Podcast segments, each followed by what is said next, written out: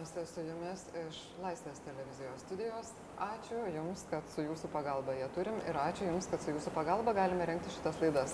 Jeigu norite, kad jų būtų daugiau, tapkite mūsų rėmėjais, pavyzdžiui, Patreon platformoje.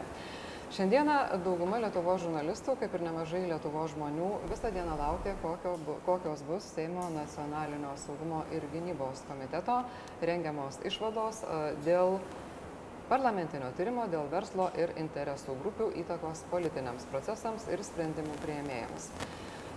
Viskas klostėsi gana permainingai. Iš pradžių buvo planuojama, kad tos išvados bus kažkada į pavakarę. Vienu metu pradėjo atrodyti, kad išvadų šiandieną iš viso nebebus, nes maždaug kokią penktą valandą komiteto nariai, tyriantis visą šį reikalą, buvo sutarę dėl maždaug 20 puslapių išvadų iš 51 puslapio. Ir tada atsitiko toks dalykas. Išvadų projektas atsidūrė žiniasklaidoje. Ir tai, kas galėtų pagalvoti, nepaprastai paspartino visą reikalą ir jau dabar jos yra patvirtintos. Na ir šiandieną mes per šią transliaciją aptarsime ir kaip vyko tyrimas, ir kokie buvo arba turėjo būti jo tikslai, kokie tie tikslai liko iš tikrųjų ir ko galima tikėtis po šio tyrimo pabaigos, ko laukti ir kas mūsų visų laukia. Pristatau pirmuosius vakaro svečius. Iš eilės, tai yra Rimvidas Valatka, nepriklausomybės akto signataras ir žurnalistas, Rima Urbanaitė, Mykolo Romerio universiteto politologė ir Šarūnas Černiauskas, 15 min žurnalistas. Tai ir noriu paklausti pirmiausia Šarūno Černiausko, su kuriuo ir dieną palaikėme ryšį. Koks yra paties įspūdis, kaip atrodė visas šitas reikalas, belaukiant išvadų, mes taip pavadinam šiandien? Na, akivaizdu, kad Seime procesas buvo chaotiškas ir sutarimo komitete nebuvo. E, kas buvo keičiama už uždarų durų, mes e, turbūt sužinosim tik tai nuotrupas arba iš viso nesužinosim. E, vis dėlto, sprendžiant iš to, kad pats projektas pateko į žiniasklaidą, kažkas norėjo jį parodyti ir, kaip taikliai pastebėjot, paspartinti proceso eigą, tai turbūt rodo, kad vis dėlto sprendimai buvo priimti kompromisiniai. Kompromisiniai tai reiškia, kad pasakyta ne viskas. Kaip atrodo Rimudui Balatkai, kaip žurnalistui ir buvusiam politikui? Kaip žmogui mačiusiam daug parlamentinių tyrimų, man pirmiausia norėtųsi pasakyti, kad na, nereikėtų to daikto vadinti parlamentiniu tyrimu. Kaip jūs tai vadintumėte?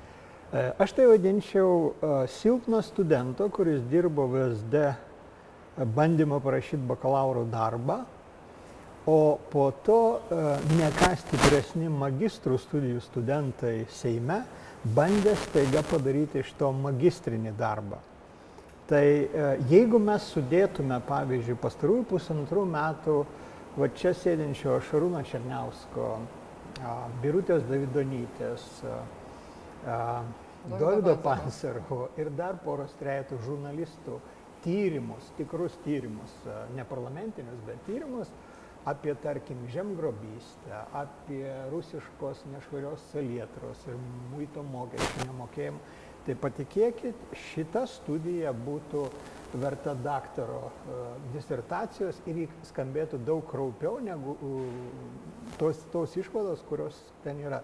Apskritai, uh, mano supratimu, yra, na, tas vadinamasis parlamentinis tyrimas iš esmės yra su šiek tiek nusikaltimo sudėties. Negalima tokių dalykų apskritai išmesti po 12 metų be komentaro. Tarkim, na, nežinau, ar tuose išvadas įtraukta ar ne, bet ten, e, kur nutekėdavo tos pažymos, buvo momentas, kai MG Baltic 2005 metais siekė nuversti Algirdą Brazauską. Tai to siekia e, turbūt ir liberalai, ir, ir konservatoriai, ir kas tik to nesiekia. Jeigu pažiūrėtume uh, jūsų ryte laidas arba mano komentarus, tai labai didelė krūva būtų rašinių, kur mes siekiam to paties. Bet tai juk nereiškia, kad Andy Baltikas tam dirigavo ir, ir taip toliau. Kitaip sakant, negalima paleisti, nes, e, tarkim, žmonės, kurie prisimena, gyveno tuo metu, ir taip pamiršta daugelį detalių. O tarkim, žmonės, kuriems dabar yra 22 metai, ar ne, jiems prieš 12 metų buvo 10 metų, jiems reikia jas reikia įvesti. Tai pavyzdžiui, man e, apskritai kai kurie dalykai yra sunkiai suprantami, bet kadangi Seime sėdi pirmokai, jie į tai žiūrėjo kaip į kažinką. Pavyzdžiui, e, aš galiu priminti, kad buvo toks baisus parlamentinis tyrimas, kur nustatė, kad Tevinė sąjunga yra teroristinė. Turi, turi teroristinės organizacijos. Nes sparnas vienas reiškia, buvo teroristinis. Tai, tai man atrodo, kad šitam tyrimė nieko panašaus nėra. Na, verslininkai veikia bandydami um, apginti savo interesus, prastumti savo interesus, bet taigi visam pasauliu taip yra. Bet jūs paminėjot vieną įdomų dalyką, apie kurį mes tikiuosi šiandien kalbėsim išsamiau, tas a, preliminarių išvadų projekto išvadų, net nežinia kurios dienos projekto, nutekinimą žiniasklaidai. A, kaip Rima Urbanaitė vertina šitą, a, ką Šarūnas pavadino, na aš irgi linkusi juos sutikti, spaudimu turbūt, nes po to, na tikrai taip sutapo, kad labai pagreitėjo pritarimas iki tol nepritartiems išvadų puslapiams? Aš manau, kad šitas finišas jisai būtent parodė, kad tai net nėra nei magistro darbas, tai yra referatas, kurį bandoma mums pateikti kaip magistro darbą. Kai tu referuoji, ką kiti tau pasakė, bet jeigu mes kalbam apie tyrimą, tai žinot, aš kaip vis dėlto mokslo žmogus dar kalbėčiau apie metodologiją ir tyrimo metodus. Tai man atrodo, tyrimo metodų būtent šita komisija neišmanė ir egzamino būtent tam aspektui neišlaikė, ką parodė keletas aspektų. Pirmas dalykas, mes turime ne pirmą kartą, kai informacija, kuri neturi pasirodyti viešoje erdvėje, ji pasirodo. Ką tai reiškia? Kad kažkas, kas turi tą informaciją, kas tikėtina dirba su tuo tyrimu, elgesi mažų mažiausiai nesažiningai, pažeidžiant visas normas ir taip toliau. Kas diskredituoja, diskredituoja patį tyrimą iš karto Ir tai jau mes matėme, tai jau yra kelių, kelių savaičių reikalas. Dabar šiandien kas nutiko, visi marinuojami nuo pat ryto faktiškai ir mes turime pabaigoj projektą, kuris pasirodo pas, pa, paduodamas kažkam kažkokiu vėl būdu, uh, nesulaukus net tų kelių valandų dar iki bendros spaudos konferencijos, kur būtų sudėlioti taškai anti, kas iš šito tyrimo padarė visišką cirką nes akivaizdu, kad ten yra su tuo tyrimu buvo susiję žmonės, kurie elementariai pažeidinėjo visas taisyklės ir normas, kad šitas tyrimas nors kiek būtų buvęs toks, kurį mes galėtume dar rimčiau vertinti. Žinoma, informacija ten jinai yra rimta, bet taip tyrimai, jie yra nedaromi. Ir čia iš esmės tam tyrimui buvo suduotas didžiulis smūgis, nes kai tu matai, kad dar suderinta 30 klausimų, o žiniasklaida pradeda kalbėti uh, ir jau skambinėti ten esantiems žmonėms ir klausti, ką jūs manote ir atsiranda komentarai apie pilnatį, apie viską, bet bijau, kad pilnatis vis dėlto švietė ir tiems, kurie taip pasielgė, diskredituodami šitą tyrimą. Tai a, nežinau, ar tai yra pirmokai, galų gale pačiam komitete nėra tik pirmokai, bet galbūt Tikėtina taip elgesi būtent pirmokai, kurie nesupranta, kokią žalą jie padarė tyrimui, kuris galbūt tikrai galėjo ir turėti pridėtinę vertę, jau toliau nebesikapanojant praeitie, bet galvojant, ką mes galim padaryti ateityje, kad mažintume politinės korupcijos rizikas. Na, kalbant apie komentarus, mes laukiam jūsų komentarų ir klausimų. Juos galite palikti stebėdami mūsų transliaciją YouTube kanale. Bet uh, noriu paklausti dar vieno dalyko. Na, mes jau palyginom ir su bakalauro darbu, ir su referatu. Uh, nežinau, kiek šarūnai teko spėti susipažinti su tą nutekinta informacija. Tačiau tyrimo išvadose yra konstatuojami tokie dalykai kad Rusija visą laiką domėjosi ir na, sieks domėtis, daryti įtaką Lietuvos energetikos įmonėse ir panašus dalykai. Kaip pats vertini, vadinkim, solidumą šitų išvadų? Na, Rusijos dėmesys Lietuvos energetikai, to konstatavimas tai yra lietuviškai kapitonas akivaizdybė, ačiū, mes ir taip tai žinom, turbūt nuo Lietuvos nepriklausomybės atkūrimo. Aišku, tie dalykai, kurie yra parodyti, jie yra rimti, tarkim, Rosatomo interesai, Nukemo interesai, ten tikrai yra nemažai vertingos informacijos, bet ko aš pasigendu pirmiausiai, tai būtent ką Rima minėjo, kad norint, kad tai būtų tyrimas, turi būti kažkas ištirta, bet bent jau pagal tai, kas matoma dabar, tai panašu, kad buvo gauta daug informacijos iš specialiųjų tarnybų, buvo apklausta eilė žmonių ir pagal tai padarytos išvados ko dar galima pažiūrėt kad tie žmonės kurie figūruoja vienoj ar kitoj pažymoj ką jie turi kokius turtus kokį verslą kas juos sieja visa tai buvo nepadaryta nors komitetas tikrai galėjo tai padaryt. Tai yra elementarūs įrankiai kuriuos mes naudojam aš nesuprantu kodėl jų neturėtų naudot parlamentinis komitetas. Kaip galima paaiškinti kodėl jie nenaudojo tokių įrankių? Man atrodo pirmiausia profesionalumo stoka nes dar vieno dalyko trūksta tokiam tyrime. Pavyzdžiui ten yra bandė paveikti, bandė prastumti, bandė padaryti. Tai Seimo nacionalinės gynybos, e, nacionalinio saugumo ir gynybos komitetas turi pasakyti, šitoj vietoj nepavyko, šitoj vietoj nebuvo padaryta, šitoj vietoj padaryta pusė to, nes dabar atrodo, kad bet koks bandymas jau yra nusikaltimo sudėtis, bet šiaip jau iš tiesų ta pažyma VSD yra daiktas, iš kurio negalima nieko nunešti į teismą iš principo. Tai, tai turėtų būti aiškiai kvalifikuot. Va šitoj vietoje valstybė atsilaikė, ar ne? Šitoj vietoje buvo bandoma kiti, o dabar yra tokia kakofonija, pavyzdžiui, e, iš pradžių, reiškia, monstras MG Baltikas daro, daro blogus darbus ir staiga, ops, likus visi laukia pasirodant godo, to, tų, tų, reiškia, išvadų, ir staiga jie pradeda galvoti, truputį per mažai, per mažai reikia dramos dar. Tada įveda VP marketą ir staiga paaiškėjo, monstras MG Baltikas staiga tampa dramoje, ne dramoje kaip seriale Santa Barbaroje, staiga tampa teigiamų herojų, nes jis kovoja reiškia, su kitu monstru ir taip toliau. Tai kitaip sakant, pritruko iš tiesų nei teorinės dalies yra, nei, e, nei, nei praktinės dalies, kur nustatyti, vat, kiek paveikia. Sakykim, ir turbūt e, normalus, tarkim, normalios šalies e, parlamentinis komitetas koncentruotus ten, kur paveikė, pavyko 10 procentų, 5 procentai atmesti šalį šitos dalykus, ten nepraėjo priešas, o imti ten, kur padaryta, kur užvaldyta buvo. O mes turim tokią kakofoniją, kur iš esmės kiekvienas pagal savo sugėdimo laipsnį mes galim spręsti, kas yra blogai. Ir turbūt visuomenė, kadangi buvo maitinta apie tuos dalykus, visuomeniai turbūt įdomiausi dalykai, kur kas nusikeikė. E, kur ten e, žurnalistas, pažįstamas žurnalistas iš ekrano, jis ten veikia.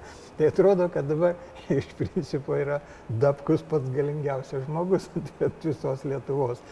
Tai tai e, parlamentinis komitetas užuot įnešęs aiškumo daugiau, jis tik daugiau pripinkia. Žiūrėkit, čia dar aš taip matau tokį niuansą, kad kai nėra aiškiai pasakyta, kur pavyko, kur nepavyko, kodėl nepavyko, tai yra priežasčių pasiekmių elementari analizė, faktiškai visuomeniai, kuri nesigilins, neskaitys tų visų puslapių, kritiškai nežiūrės, jei bus pasiūsta pagrindinė žinutė, visi jie vagys kas paskui lemia. Išskyrus valdančiuosius, nes tarkim, taip, nes skardžiaus ten nėra. Bet valdantieji patys tai, dabar daro sąlygą, kad jie yra politinės korupcijos nebuvimo tarsi prielaida o ne tai, kad mes kurtume sistemą, kurioje to, to nebūtų.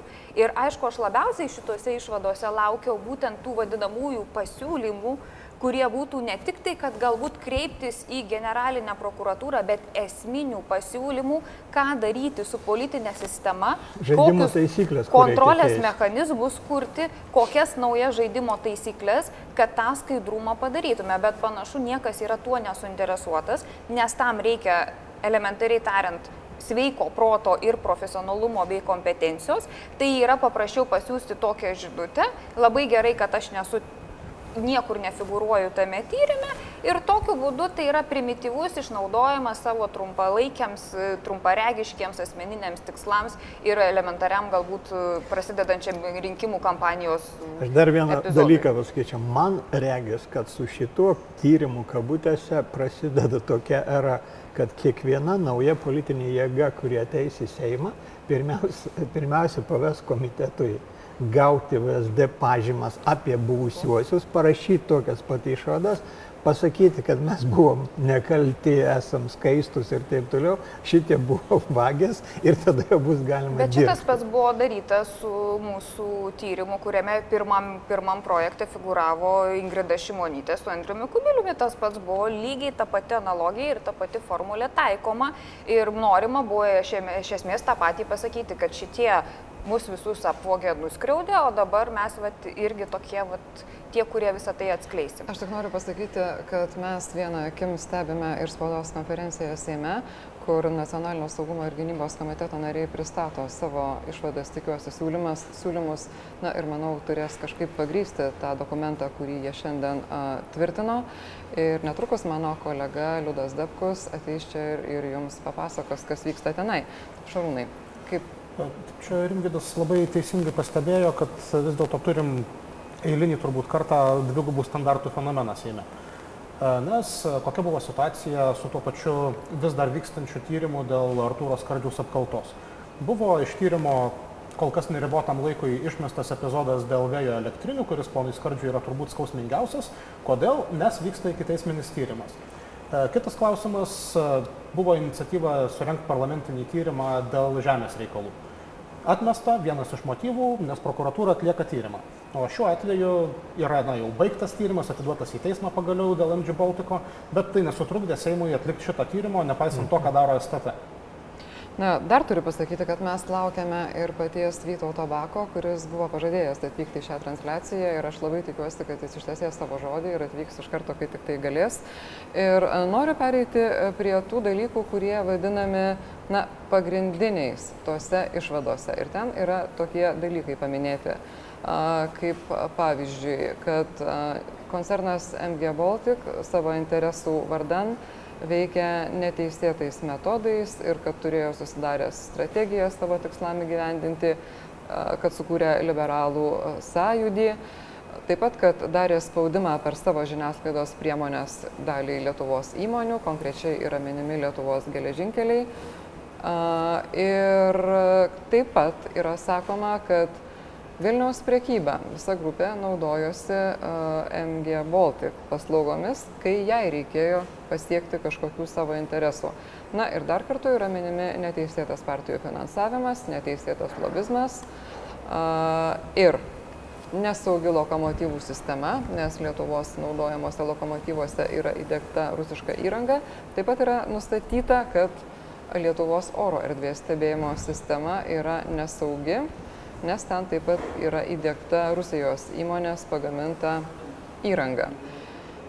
Žiūrint iš šalies arba tiesiog giliau susipažinus, atrodo gana eklektiška. Kaip Šarūnai pats vertini tokį rinkinį tyrimo elementų? Na, tarp kitko, kas liečia oro navigaciją ir rusišką įrangą, ten buvo pakankamai aiški užuomina, kad buvęs jau oro, oro navigacijos vadovas dabar su tais pačiais verslininkais, kurie tą įrangą dėgia, yra tiesiogiai susijęs per verslą. Tai vėlgi čia yra tas epizodas, kur aš iš tikrųjų pasitelkčiau rimtus metodus ir išplėtočiau tą ryšį, nes tai iš tikrųjų yra, jeigu tai tiesa, tai yra skandalinga. Tai, sakyčiau, turi labai labai rimtų korupcijos požymių. Apie lokomotyvus, na, kas buvo Lietuvos geležinkeliai Stasio Dailitko seroje, visi turbūt žinom, tai nestebina ir vėlgi čia reikia konkrečių rekomendacijų ir konkrečių sprendimų ir jų reikia greitai. Kol kas jų nėra. Ką darė MG Baltikas? Na, panašu, kad iš tikrųjų nemaža dalis tos informacijos, kuri ten įtraukta, na, iš tikrųjų yra tikra. Vis dėlto reikia pripažinti, kad stebėjom visi turbūt žiniasklaidą ir tie epizodai, kurie yra paminėti, jie iš tikrųjų buvo. Ir juos galima turbūt traktuoti kaip spaudimą. Kaip spaudimą konkretiems asmenims ar konkrečioms institucijoms kas mane iš tikrųjų labai liūdina, kaip ir na, visas sprendimo epizodas apie žiniasklaidą, kur yra kalbama apie neįvardintas žiniasklaidos priemonės, kurios siekia pinigų, kuriuos jos išsimušinėjo, kurios, kaip suprantu, ėmė šimtais tūkstančių eurų tylos mokestį. Kodėl Seimo komitetui pritrūko drąsos ir stuburo pasakyti, kas tos žiniasklaidos priemonės? Nes vis dėlto žiniasklaidai irgi reikia apsivalyti, ne mažiau negu politikai. Na, iš tikrųjų, mūsų žiniomis ten yra kalbama apie Lietuvos ryto grupę ir apie LNK grupę. Ir kai kurie mūsų žiūrovai sako, bet jūsgi čia turite vieną, kuris dirbo su ta grupe ir negali būti labai objektivus. Tai būtų tiesiog neteisinga, jeigu neleisčiau Rimvidui Valatkai e, atsakyti į tai ir nepaklausčiau, ką jis mano apie tokius pareiškimus. Tai apie kurią grupę? Ar apie, apie Lietu... LNK. Apie LNK. O paskui ir apie Lietuvos ryto bus galima. Tai um, iš esmės galėčiau pasakyti, kad esu kaltas, jeigu, jeigu to reikia ar ne, kad dirbau.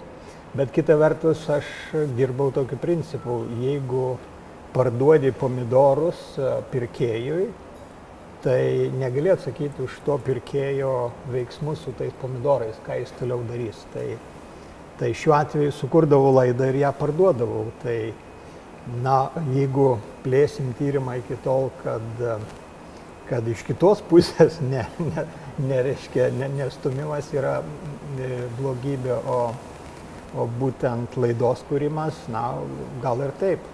Gal apskritai nereiktų man apie tai išnekėti. Ne, kodėl reiktų, nes turbūt kalbėti visada yra geriau negu nekalbėti, kas būna, kai nekalbam, tai jau matėm. Laukiame pranešimų apie tai, ką komentuoja Seimo nacionalinio saugumo ir gynybos komiteto nariai. Kaip minėjau, laukiame čia atvykstant paties pirmininko, taip pat laukiame ir kitų žmonių. Kitas mano pašnekovas čia visai netrukus bus Liudas Dabkus. O dabar dėkoju šios mūsų pokalbio dalies pašnekovams Šarūnui Černiauskui iš 15 min LT. Rima Urbonaitė iš Mykalo Romerio universiteto ir Rimvidui Valatkai, nepriklausomybės akto signatarui ir žurnalistui. Taigi, Seimo nacionalinio saugumo ir gynybos komitetas šiandieną svarstė ir labai permainingai tvirtino ir pagaliau patvirtino a, tyrimo išvadas a, su devyniomis svarbiausiamis išvadomis. A, vienas iš pagrindinių to tyrimo herojų arba objektų koncernas MG Baltic e, pavadino tą tyrimą politiniu farsu, nes a, tyrimas nustatė, kad teigia tiksliau, kad verslo grupės ir politikai kuria schemas, kaip neteisėtai remti partijas ir tam koncernui ten yra skiriama tikrai nemaža dalis tame tyrime ir tuose išvadose. Tačiau oponentai sako, kad tyrimas nebuvo objektivus. Panašiai yra kalbėjusi ir Lietuvos prezidentė Dalia Grybauskaitė, kuri pasakė, kad šis tyrimas atliekamas selektyviai, nes nėra tyriami dabartiniai valdantieji. Po tokio prezidentės pareiškimo dabartinių valdančiųjų Lietuvo žalių ir valstiečių partijos lyderis Ramūnas Karbauskis pasakė, kad kojos jo prezidentūroje nebus. Kaip yra iš tiesų, kodėl ir kodėl e, ne, nebuvo atliekamas tyrimas dėl įtarimų, kad neteisėtai vienose rankose yra sukaupiama per daug žemės ir ką apie tai kalba Seimo pirmininkas, tiksliau, ką jis šiandieną kalbėjo žinių radio laidoje, mes jums parodysim visai netrukus su žinių radio leidimu, o dabar jau čia yra Liudas Dapkus, kuris stebėjo Seimo nacionalinio saugumo ir gynybos komiteto narių spaudos konferenciją ir yra pasirengęs jums papasakoti, kas ten jį nustebino. Liudai. Labas vakaras. Iš tiesų konferencija vyksta paraleliai e, šiuo metu. Jie turi daug ką pasakyti, nes posėdžiavo 10 valandų ir prasidėjo nuo tokio gana didelio kratinio žodžio, dėkojant e, visiems beveik netgi artimiesiems už kantrybę, žurnalistams už darbą ir taip toliau. Tai svarbu, kad mums padėkojo, nes. Taip, iš tiesų gerai, kad nepamiršo tų laukusių žmonių išvadų. E, išvadas perskaitė, pasiūlymus e, vis dar tauposi, nes visi turi ką pasakyti, daug narių dalyvauja. E, išskirčiau kelis blokus. Iš tiesų, išvadų e, pirma ir pagrindinė, ko gero, yra mm, nukreipta į tą Rosatom ir Nukiem liniją veikimas e, daryti neteisėtą poveikį priimant sprendimus procesams taip pat Lietuvoje. Ir e, labai e, sklandžiai pereinama į MG Baltic veiklą kaip įtakingiausios įmonės Lietuvoje, taip komisijos pirmininkas Bakas ją pavadino, ir įvardijant ją kaip grėsmę nacionaliniam saugumui, tai nėra nieko naujo, mes tą girdėjome dozuotoje informacijoje. Na ir tęsiama, žinoma, apie neskaidrų partijų finansavimą, netobulą lobizmo aplinką ir taip pat silpną žiniasklaidą, kuri tiem procesam vyko, vykstant, reiškia, padėjo įsibėgėti. E, konkretesni dalykai eina pabaigoje, išvadų mažiau negu atrodė tuose e, pradinėse dokumentuose, kad Rosatom Nukem ir MG Baltic veikė su savo parankiniais, žodis panaudotas, iš vien darant poveikį strategiškai svarbiam Lietuvos valstybės projektui, tai yra Ignalinos atominės elektrinės e, projektui. Na ir visai konkretus dalykas nueita iki ligmens Lietuvos geležinkelių naudojimų technologijų. Tai būtent Klub U Rusijoje suprojektuota pagaminta technologija, pripažinta kaip netitinkanti e, nacionalinio saugumo interesus atitinkančių mm, reikalavimų. Ir paskutinis iš tokių išvadų, jeigu jas taip galima pavadinti, yra bendrovė oro navigacija, kuri taip pat yra įsidėgusi rusišką įrangą ir taip pat kelia e, grėsmę nacionaliniam saugumui, e, ją eksploatuodama ir, ir toliau bendraudama, matyti, panašiam lygmenį. Na, mūsų žiūrovai, kurie stebi šią transliaciją, palieka savo klausimus ir komentarus. Ir vienas, pavyzdžiui, yra Manto, jis sako, ar su tokiamis išvadomis MG koncernas neprisiteis pinigų iš Lietuvos valstybės užmeištą. Apie tai mes pakalbėsim truputį vėliau, nes mūsų studijoje bus ir teisininkų, kurie išmano geriau šitą reikalą. Mes visiškai nenorime jūsų klaidinti ir specifinius dalykus paliekame specialistams. Liudai, ar spėjo jau komiteto nariai paaiškinti, kas šiandieną vyko komitete. Kodėl taip, na, aš pavartoju žodį permainingai ir gudresnė nesugalvoju, mm. vyko tvirtinimas tų išvadų. E, kol kas ne, aš tik spėjau suvokti fragmentus, kai pradėjo kalbėti opozicijos atstovė Rasa Juknevičianė, aš kaip suprantu vyko tai, kas ir turėjo vykti, politinė kova, ko yra tikrai ne, ne, ne skaidinimus į tyrimą, o politinės kovos fragmentai.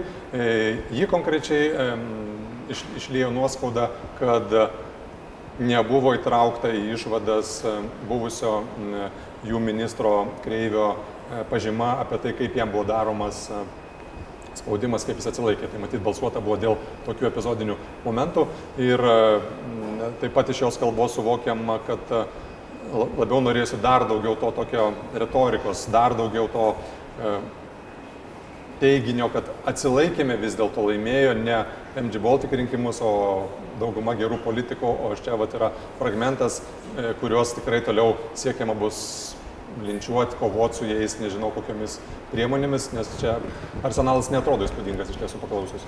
Na, neskleidžiant informacijos šaltinio, galima pasakyti, kad kai kuri mūsų matyta medžiaga irgi leidžia kelti pagristus klausimus dėl kompetencijos žmonių, kurie rengia tą dėstomąją medžiagą ir pačias išvadas. Ir, na, konservatorė Rasta Juknevičia nekalbėjo apie vieną ministrą, bet tyrime yra kalbama apie kitą konservatorių ministrą, Arvidą Sekmoką. Ir ten toje medžiagoje, jeigu neklystų, yra sakinys, kad Arvidas Sekmokas pažiūrėjo į kažką ir nieko nepasakęs, tylomis nuėjo. Mes su prieš tai laidoje buvusiais svečiais, Rimvidu Valatka, Rima Urbanaitė ir Šarūnu Černiausku, Pasiekėme tokių epitetų, kad tai gali būti vadinama bakalauro darbu arba referatu. Kaip pačiam susidaro įspūdis, kaip tu vertintum tą, tą medžiagą, apie kurią šiek tiek turim informacijos? Tai yra labai simptominis ir toks net nelūžio momentas. Apskritai šiandien keista diena žiniasklaidai, žinant, kas, kas įvyko su tariamai nužudytų žurnalistu, kai manipulacijos tampa kasdienių dalykų ir Seimas yra neišimtis. Man atrodo, e, ją gali būtų, galima būtų nagrinėti tą visą 50 ar daugiau puslapių medžiagą nagrinėti tokiu a, a, kalbininko požiūriu, nes man atrodo, čia yra rašyta mažiausiai penkių žmonių, kurie įvairiai dėlioja stilių ir nebuvo laiko sutvarkyti. Mes matome, kokios yra kokybės yra pasiekęs valstybės valdymas, kai yra e, skambiai žodžiais nacionalinis saugumas, Rusija, pasikėsinimai veikti mūsų demokratiją ir laisvę. Ir tik tai mes galime pagaminti nuo spalio mėnesio. Ir e, aš nežinau, ar jūs čia aptarėte tą momentą, kad e, teliko palaukti porą valandų ir viską ištransliuoti kokybiškai, logiškai, atsakant, tai kam tie nutekinimai likus keliom valandom, ką tai reiškia, ką mes matome, ar ten yra e, paruoštukas, ar ten galinė. Ir dabar vietoj to, kad konferencijoje kalbėtų apie esmę, jie toliau kalba apie kosminius laivus, kurie skraido visatą. Na, iš tiesų aptarėme ir mes e, leidome savo padaryti tokią prielaidą, kad tai buvo būdas paspartinti išvadų e, svarstymą ir tvirtinimą. Kągi, liūdai, kol kas ačiū. E, laukiam kitų svečių, jie visai pasiruošę, netrukus pamatysite juos eterėje, bet prieš tai aš noriu parodyti tai, ką truputį spėjau anonsuoti. O dar prieš tai pasakyti dalyką, apie kurį užsiminė Liudas Dabkus, apie tariamą Rusijos žurnalisto nužudymą. Iš tikrųjų yra taip, kad žurnalistas Arkadijus Babičenka nebuvo nužudytas. Kaip šiandieną pranešta, tai buvo Ukrainos specialiųjų tarnybų provokacija, siekiant ištirti, kas užtakė to žurnalisto nužudymą.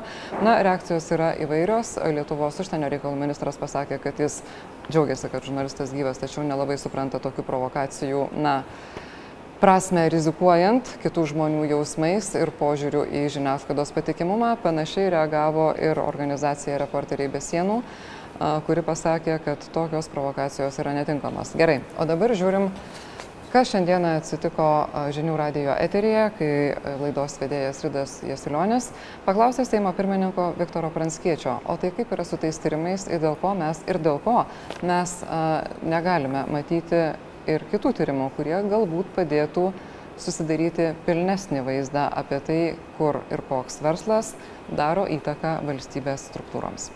Gal atsivers daugam labiau akis, matant, kaip buvo kuriami, e, kuriama politika ir, ir kaip ji buvo įtakojama verslo. Ir manau, kad iš, to, iš tų pamokų mes galėsime pasimokyti daug daugiau negu kad iki šiol. Bet ne, ne, nesužinosime, kaip susikūrė Lietuvoje situacija, kai žemės ūkija daugiau nei 50 procentų e, žemės priklauso 3 procentam stambiųjų žemvaldžių. Ar tai yra natūralu, normalu jūsų požiūrį, ponė pas, pirmininkė? Buvo pasiūlymas labai aiškus. Tirkime ir žemės e, žemės e, tą kūrimosi sistemą taip pat nuo 90 ten kažkurių tai metų, kad būtų visos, visi taip pat sudėti tie klausimai dėl žemės koncentracijos. Bet, e, žinote, vienas komitetas atsisakė, antras komitetas atsisakė. Jūsų balsais, trečias, valdančių valstiečių balsais. Atsis bet atsisakė komitetas. Bet vien... jūsų balsais, kodėl jūs neprisėmėte atsakomybės? Jūs norite būtinai kažkokį tai kaltinimą man čia sakyti, kad jūsų balsais. Tai buvo daugumos balsai ir, ir tai buvo nuspręsta. Tai Valstiečiai, viskas... kurių pirmininkas yra stambus žemvaldys, balsuoja už tai, kad nebūtų tyriama šita padėtis. Ar tai Žiūrėkit, jūsų manimų yra sažiningas? Tai nesažininga ir aš ir pradžioje, ir po to sakiau, kad turi būti tyriama. Bet kai tris, trys komitetai nesugebėjo to atlikti ir, ir, ir uždarė šitą klausimą, tai jis buvo uždarytas tiesiog. Taigi, Seimo pirmininkas sako, gėda, kad nėra tyrimo dėl galbūt neteisėto žemės užvaldymo, bet ką padarysi, taip išėjo, nes net trys Seimo komitetai atsisakė imtis tokio tyrimo. Jeigu jūs paklaustumėte, kodėl mes kalbame apie Lietuvos valstiečių ir žaliųjų sąjungos narius ir atstovus, tačiau nekalbame su jais, tai aš turėčiau pasakyti, kad kvietėme na, daug žmonių ir e, kvietėme ir Seimo pirmininką, kvietėme ir frakcijos lyderį, tačiau nei Viktoras Franskėtis, nei Ramūnas Karbauskis e, nesutiko ateiti į laidą, nes sakė, kad jiems reikia daugiau laiko susipažinti su išvadomis. Taip pat e, susirašinėjau, tiksliau rašiau žinutės Nacionalinio saugumo ir gynybos komiteto nariui Audrišimui, kalbėjausi su to paties komiteto nariu Dainiumi Gaižausku jisai sakė, kad na, tiesiog nelabai galės komentuoti, nes diena sunki, bus pavargęs. Taip pat kalbėjau ir su ne komiteto, bet frakcijos nariu Mindaugu Puidoku ir noriu paskaityti jums jo atsakymą į kvietimą ateiti laidą. Neprisukau jums, vis užimta, kol nėra oficialių išvadų. Čia žinutė rašyta 18 val. 57 minutės, nėra ir oficialios frakcijos nuomonės, tad negaliu komentuoti tik iš medijos ir galimo projekto. Pagarbiai, daktaras Mindaugas Puidokas. Studijoje turime naujų svečių, tai yra Aušinė Armanaitė, Liberalų sąjūdžio pirmininko pavaduotoja ir Gabrielius Landsbergis, Lietuvos Tevinės sąjungos krikščionių demokratų partijos pirmininkas. Kokie yra jūsų vertinimai? Kiek spėjote susipažinti, nežinau, bet manau, kad šiek tiek jau matėte. Kaip vertinate? Na, iš tikrųjų, viešoje erdvėje ir projektas jau sklandė. Dabar yra kaip tik vieš, e, tiesioginė transliacija ir, kiek žinau, šiek tiek formuluotės yra pakitusios, kai kurių, e, kai kurių dalių galbūt ir buvo komitete atsisakyta. Na, bet e, yra keletas matyt dalykų. Pirmas klausimas, kuris vis dėlto kyla, manau, tiek politikams, tiek žiniasklaidai, tiek ir bet kuriam piliečiui, tai yra vis dėlto, kodėl mes apie tai kalbame šiandien, 2018 metais, jeigu medžiaga yra 2008, 2006, 2007 metų ir gal dar ir anksčiau kai kurie ar ne senumo. E, kodėl mes po tiekos metų apie tai kalbame, kodėl VSD galbūt e, ar e, sprendimų prieimėjai negalėjo apie tai vis dėlto, į tai reaguoti operatyviau. Tai pirmas dalykas. Dabar antras dalykas, tai vis dėlto tai yra praeitis, yra įdomių dalykų, kurie yra svarbus, aišku, šiandienai, bet šiandien taip pat vyksta įvairūs procesai ir man klausimas kyla, ar lygiai taip pat mes po 15 e, ar 10 metų skaitysime apie tai, kas vyko Seime ir kokios įtakos vyravo 2018 metais. Ir aš kalbu žinoma apie tai, jog yra kol kas, kaip supratau, išvadose nepaliesta tik viena partija valdančioji partija, kuri matyt planuojasi e, šių išvadų pagrindu sudalyvauti kitų metų rinkimuose 19-20 metais. Ir galbūt trečias dalykas, paskutinis, kuris na, yra toks šalutinis, galbūt ne, mes ne visi tai atkreipiame dėmesį, bet vis dėlto yra kalbama apie galbūt neleistinas e, veiklas verslo įmonių ir taip toliau. Matyt, šitos išvados ir apskritai visas procesas neturėtų demonizuoti skaidrių politikų, sprendimų prieimėjų ir verslo atstovų santykių lobistų, kurie veikia pagal įstatymą, nes toks įstatymas Lietuvoje veikia.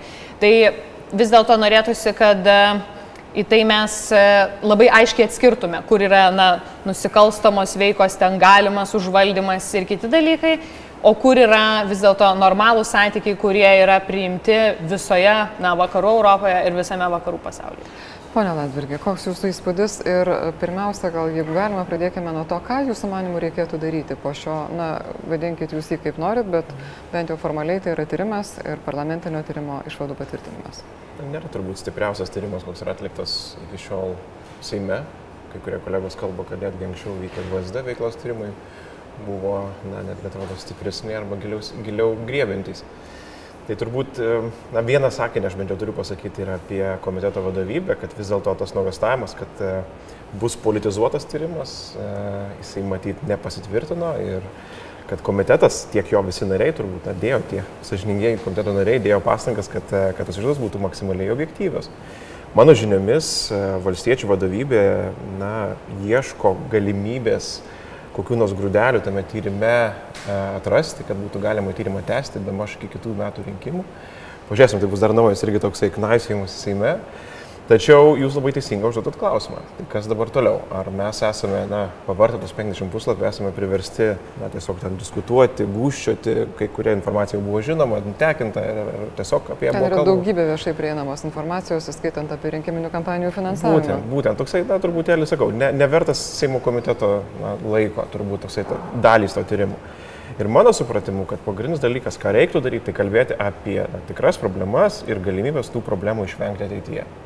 Jeigu mes pažiūrėtume išvadas ar dalį rekomendacijų, jos yra tiesą sakant pritaikomos ir lygiai tam pačiam agrokoncernui, ar valstiečiams, ar nežinau, bet kokiam kitam koncernui, kuris galbūt svarstytų žengti į politiką, jeigu ne tai ar bičiūnai, senukai, kas nors dar. Ta prasme, e, per įvairius komitetus, per viešasias įstaigas, e, finansuojamos partijos, kurios e, na, daro įtaką politiniam procesam, vėliau Seimo nariai negali laisvai balsuoti, taip toliau, taip toliau. Visą tai mes kalbame paskutinius metus ir apie dalį dabar valdančiosios daugumos. Jeigu mes sugebėtume įvertinti objektyviai, kad taip, tai yra problema, ir kas tai bebūnė, įrašykite kokį nors koncerną pavadinimą, tai yra problema. Ir mes tada turim siekti užkardyti ateityje tokių veiksmų galimybių. Ar konservatoriai gali pripažinti, kad tai yra problema? Ar jums tai yra problema? Koncernų įtaka, verslo įtaka, na, mes ją pastebime, mes matome, mes tiesą sakant siekime inicijuoti tą patį ir, ir agrokoncerno e, tyrimą Seime nuolat apie tai kalbėjome. E, man dar net iki mano ateimo į politiką apie tai kalbėjo ir mano kolegos ir Dainius Kreivys, ir Andrius Kubilius, Rasa Juknevičinė. Be abejo, nes tai buvo ir matyti. Galbūt, e, tik tai klausimas, tai ką galima mes, ką vis, dėl viso to būtų galima padaryti. Sakykime, mano supratimu ir aš noriu tą labai aiškiai pasakyti, kad e, valstybės finansavimas partijoms, kuris buvo įvestas, aš manau, tai buvo teisingas žingsnis ir jis buvo reikalingas žingsnis tą kryptim, norint apmažinti įtaką būtent tokių verslo, a, didelių verslo bendrovių, kurios gali praktiškai nusipirkti visas partijas, visą partiją. Ar ne, tai, ką mes matome, sakykime, dabar ir su tais pačiais a, valstiečiais įkiais gali atrodyti. Tai aš turbūt suskirščiau sprendimus į, į ko gero, keturias grupės, a, kokio, na, kokiamis kryptimis reiktų toliau eiti. Tai pirmas, ką daryti dėl partijų, kaip jas stiprinti Tai čia yra ir uh, naujų komitetų atsiradimo finansavimo klausimas, ar ne, ar, jie, ar jiems šiandien yra taikomos kitokios taisyklės, jie gali rinktis finansinės lėšas iš verslo subjektų, ar mes norime, kad tai tęstųsi, ar ne. Uh, lygiai taip pat kaip stiprinti dabartinės partijas, kaip stiprinti vyriausią rinkimų komisiją, kurie, mano nuomonė, turėtų būti pagrindinis arbitras, sąžiningas ir teisingas arbitras, uh, sprendžiant apie tai, ar, ar partijos na, sąžiningai ir teisingai elgesi. Antras klausimas dėl verslo. Vis dėlto žinant, kad verslas mėgina kartais neleisinais būdais eiti, ne, apeidamas lobizmo įstatymą, apeidamas galbūt kitas taisyklės, kurios valstybei galioja, aš manau, kad verta tikrai pradėti diskusiją apie bausmių griežtinimą. Ne, kad tiesiog būtų aišku labai, kad jeigu koks nors koncernas yra pagaunamas už skverną darantis neteisingus veiksmus, kad tai skaudės, jis skaudės labai. Ir, ir gali būti tie, kad, kad tai nesvarbu kuris. Dabar čia linksniuoja vieną, aš sakau, įrašykim bet kurį kitą. Jokio skirtumo. Ne, lygiai taip pat reiktų pakalbėti ir apie specialiasias tarnybas. Kaip teisingai užsienė sako, klausimas, kodėl mes tiek laiko užtrukom. Ką reiškia užtušuotos partijos, užtušuotos žiniasklaidos priemonės, užtušuoti Seimo nariai ir taip toliau. Ar dėl jų yra pradėti baudžiamieji tyrimai? Jeigu taip, tai kodėl tada ta informacija yra apskritai tiekiama Seimui, jeigu tai yra iki teisminio tyrimo medžiaga? Na, tiekiama užtušuota. E, taip, bet kodėl tada apskritai, nes nekelia klausimus. O klausimas jau ir automatiškai suponuoja, kad galbūt mes domimės tuo, ko mes domėtis neturėtume, nes vyksta šiuo atveju tyrimas. Jeigu tyrimas nevyksta, tai kodėl ta informacija yra iš, neišviešinama? Ir apskritai, kokiu, kokiu pagrindu jinai buvo surinkta ir toliau? Vieni užtušuoti, kiti neužtušuoti, vienur, vienuose atvejuose pavardės yra išrašytos labai stropiai, kituose atvejuose nėra pavardžių, kaip pavyzdžiui Leo LT atveju, ne, nepastebėjau. Gal, Nebeprisimena gal. Gal jau pamiršo. Bet aktualu, jeigu, jau, jeigu mes jau kalbam apie na, tam tikrus kažkokius nusistovėjusius papročius ar ne, kurie vyko valstybėje dešimtmečius ir jeigu mes norime juos pakeisti, jeigu mes norime išskaidrinti e, sistemą, tai vadinasi, matyt, na, reikėtų tai daryti, tuos standartus reikėtų taikyti visiems vienodus. Kokius jūs matytumėte tuos kritinius taškus, į kuriuos reikėtų na, nukreipti dėmesio prožektorių ir keisti, na, jeigu prieš tai prisimintume išvardintus ten partijų finansavimą, lobizmo kažkokius klausimus, kad na, atskirti teisėtą nuo neteisėto, galbūt bausti už neteisėtą ir panašiai. Na, iš tikrųjų, e Mes e, ir partijoje dar e, turime tą diskusiją, kaip ten žiūrėti į tuos įvairius pokyčius, bet reikėtų pasakyti keletą dalykų. Na, Lietuvoje visada buvo, na, uždrausta korupcija ir korupciniai veiksmai ir įvairūs kiti na, dalykai, bet e, tai neišgelbė. Dėl to aš nežinau, na, bausmių griežtinimas visada yra labai populiaru, tai yra tendencija Lietuvoje. Šitoje valdžioje, šitoje valdžioje mada e, tiesiog aukščiausia klasę, ką gali ši valdžia parodyti. Tai, e, bet klausimas, ar tai išspręstų situaciją. Man e, dėl ko, na, nuoširdžiai vis dėlto kas rūpi, tai yra kaip politikai, e, kiek politikai yra individualiai kaip žmonės atsparus įtakoms. Nes yra kiekvieno sprendimas, ar daryti kompromisus su sąžinė, ar nedaryti. Tai man atrodo, pirmas dalykas tai yra aiškus ženklas, kad na, politikai vis dėlto laikai keičiasi. Ir reikia pagalvoti prieš darant, žadant ir, kaip sakant, įvertinti savo veiksmus ir, ir galimas pasiekmes. Antras dalykas vis dėlto tai yra e, va, požiūris į na, tas tradicinės klasikinės politinės partijas į e, su jomis susijusius, pavyzdžiui, institutus, nevyriausybinės organizacijas. Taip mes girdime, kad e, kai kas galbūt apeidinėjo partijų finansavimo taisyklės, turėdami nevyriausybinės organizacijas ir dalį politinės veiklos jomis vykdė. Liberalai po skandalo, po žiauraus ar nesmūgio visi kurie buvo kažkokių įstaigų steigėjai, jas uždarė. Dabar aš nesu iki galo tikra, ar mes turime baidytis nevyriausybinio organizacijų, kurios užsijima politinė veikla, kurios kalba apie liberalizmą, apie konservatizmą, apie socialdemokratiją, apie politinės idėjas, ideologijas, moko ar ne partijų narius, kaip kalbėti viešai ir kaip nenusišnekėti į kamerą. Tai yra tie dalykai, kurie vis dėlto, na, šiaip yra svarbus, manau, jeigu mes norime stiprinti liberalią demokratiją.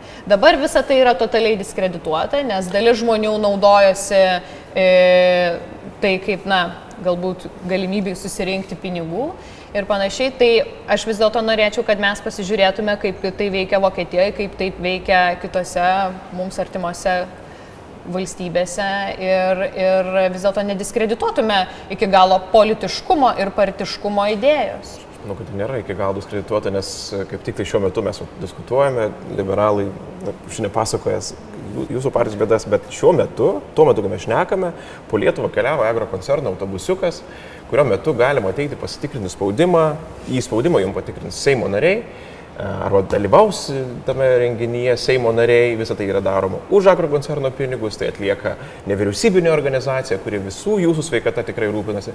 Ir VRK nuomonė, kiek aš žinau, bent jau buvo pasakyta, kad tai nieko bendro su Taip. Seimo nariais neturi. Na, VRK ir, yra nustačiusi, kad mecenatas, kuris kelbėsi tas mecenatas šitos programos, iš tikrųjų nėra šitos programos mecenatas. Taip, ir Na, smegenys taip. Ir berots Seimo nariai yra savanoriai e, ten tautinius drabužėlius dalinant e, įstaigose, jų apygardose, jie buvo viso labo savanoriai. Taip. Sunku pasakyti, ar aš su Gabrieliumi būtume priimti savanoriais tenai. Manau, ne. Spėk, kad ne.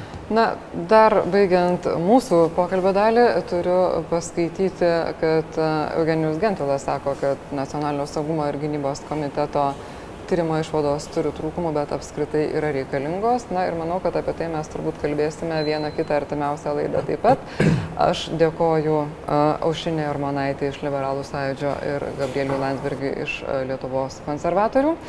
Na ir noriu, laukdama kitų svečių, kuriuos irgi matau, jūsų pažindinti su pagrindiniais parlamentinio tyrimo dėl verslo poveikio politikai pasiūlymais, o jie yra tokie. Kalbant apie Vilniaus priekybą, Nacionalinio saugumo ir gynybos komitetas siūlo prokuratūrai atlikti Vilniaus priekybos sandėrius. Aš neskaitysiu dabar visų turbūt, kokie ten gali būti, nes nežinau, kiek jų iš tiesų galėtų būti, tačiau komitetas siūlo spręsti klausimą dėl nuostolių atlyginimo, jeigu būtų nustatyta, kad valstybei padaryti nuostoliai.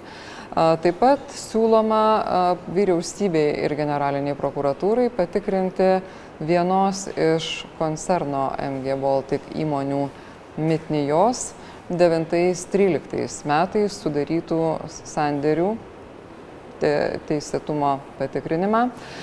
Taip pat Nacionalinio saugumo ir gynybos komitetas siūlo griežtinti reikalavimus politinių partijų finansinės atskaitomybės dokumentams ir griežčiau kontroliuoti, kaip ten yra nurodomos gautos pajamos, o taip pat ir išlaidos. Ir komitetas taip pat siūlo nustatyti pareigą, kad politinės partijos vieną kartą per mėnesį teiktų biudžetinės sąskaitos išrašus vyriausiai rinkimų komisijai. Ir čia noriu priminti, ką kalbėjo prieš tai Gabrielius Landsbergis, kad vyriausiai rinkimų komisija a, turbūt a, nebūtinai turi užtektinai pajėgumų, kad galėtų prisimti dar ir tokią prievalę, nes bent jau iš to, ką mes girdime iš vyriausiosios rinkimų komisijos pirmininkės Lauros Matiošaitytės, na, komisija tiesiog nespėja atlikti daugelio darbų, ypač tada, kai atsitinka kokie nors uh, Lietuvoje rinkimai, o artimiausiais metais mes jų laukiame kažkaip visai ir nemažai. Taigi, kol laukiu kitų savo studijos pašnekovų, nes mačiau, kad jie čia jau yra atvykę, dar noriu pasakyti, kad vis taip pat tebe laukiu ir Seimo nacionalinio saugumo ir gynybos komiteto pirmininko Vytauto Bako, kuris yra pažadėjęs atvykti į laidą. Ir tęsiu pristatymą tų siūlymų, kuriuos pateikė Nacionalinio saugumo ir gynybos komitetas, atlikdamas parlamentinį tyrimą dėl verslo poveikio politikos procesams, be tų, ką jau paminėjau. Komitetas e, siūlo suburti darbo grupę, kuri pateiktų pasiūlymus dėl teisės aktų tobulinimo. Na, sakytumėj, tokia ir turėtų būti šiaip parlamento pareiga priimti ir tobulinti įstatymus, jeigu priimtieji yra netobuli. Taip pat komitetas siūlo užtikrinti žiniasklaidos priemonių valdymo atskirimą nuo kitų verslų ir užtikrinti kontrolę, kad nebūtų žiniasklaidos priemonių koncentracijos. Aš tikiuosi, kad galėsiu paklausti, ką konkrečiai reiškia šitas siūlymas paties komiteto pirmininko, kol kas galiu tik tai supažindinti, kaip skamba siūlymo formuluotė. Ir komitetas siūlo griežčiau kontroliuoti viešųjų pinigų paskirstimą žiniasklaidoms priemonėms ir neskirti tų pinigų, jeigu žiniasklaidos priemonė yra kokiu nors būdu nusižengusi. Ir galiausiai atėjau prie paskutinio pasiūlymo. Komitetas pasiūlė nustatyti administracinę atsakomybę už tai, kad laikinosios tyrimo komisijos reikalavimų nevykdžiusios institucijos nutekino arba galėjo teikti informaciją tiems na, subjektams arba objektams, kurie neturėjo gauti tos informacijos ir siūlo taikyti už šį informacijos nutekinimą arba nesankcionuotą informacijos platinimą kažkokią drausminę atsakomybę. Na ir pagaliau sveikinuosi su kitais diskusijos dalyviais, tai yra ponai Vytautas Inkevičius, buvęs Konstitucinio teismo teisėjas ir Mykolo Riomerio universiteto profesorius ir Algimantas Šindeikis, advokatas, kuris taip pat domisi ir konstitucinę valstybės veikimo sąrangą bei santykių su žiniasklaida tema. Noriu paklausti, kokie yra jūsų įspūdžiai apie šį tyrimą, ponė Šindeikį. Na, bendrai prasme jie yra pozityvus. E, Konstitucijoje įtvirtinta yra mūsų teisė, piliečių teisė gauti informaciją. Mums yra tikrai labai svarbu būti gerai informuotiems, priimant mūsų patį svarbiausią sprendimą, tai yra balsuojant per rinkimus dėl vienos ar kitos politinės partijos, dėl vieno ar kito politiko. Todėl kaip jie veikia, kaip jie laikosi priesaikos, kam jie dirba Lietuvos valstybei, ar kažkam, kas jiems sumoka, apmoka jų sąskaitas yra kritiškai svarbu.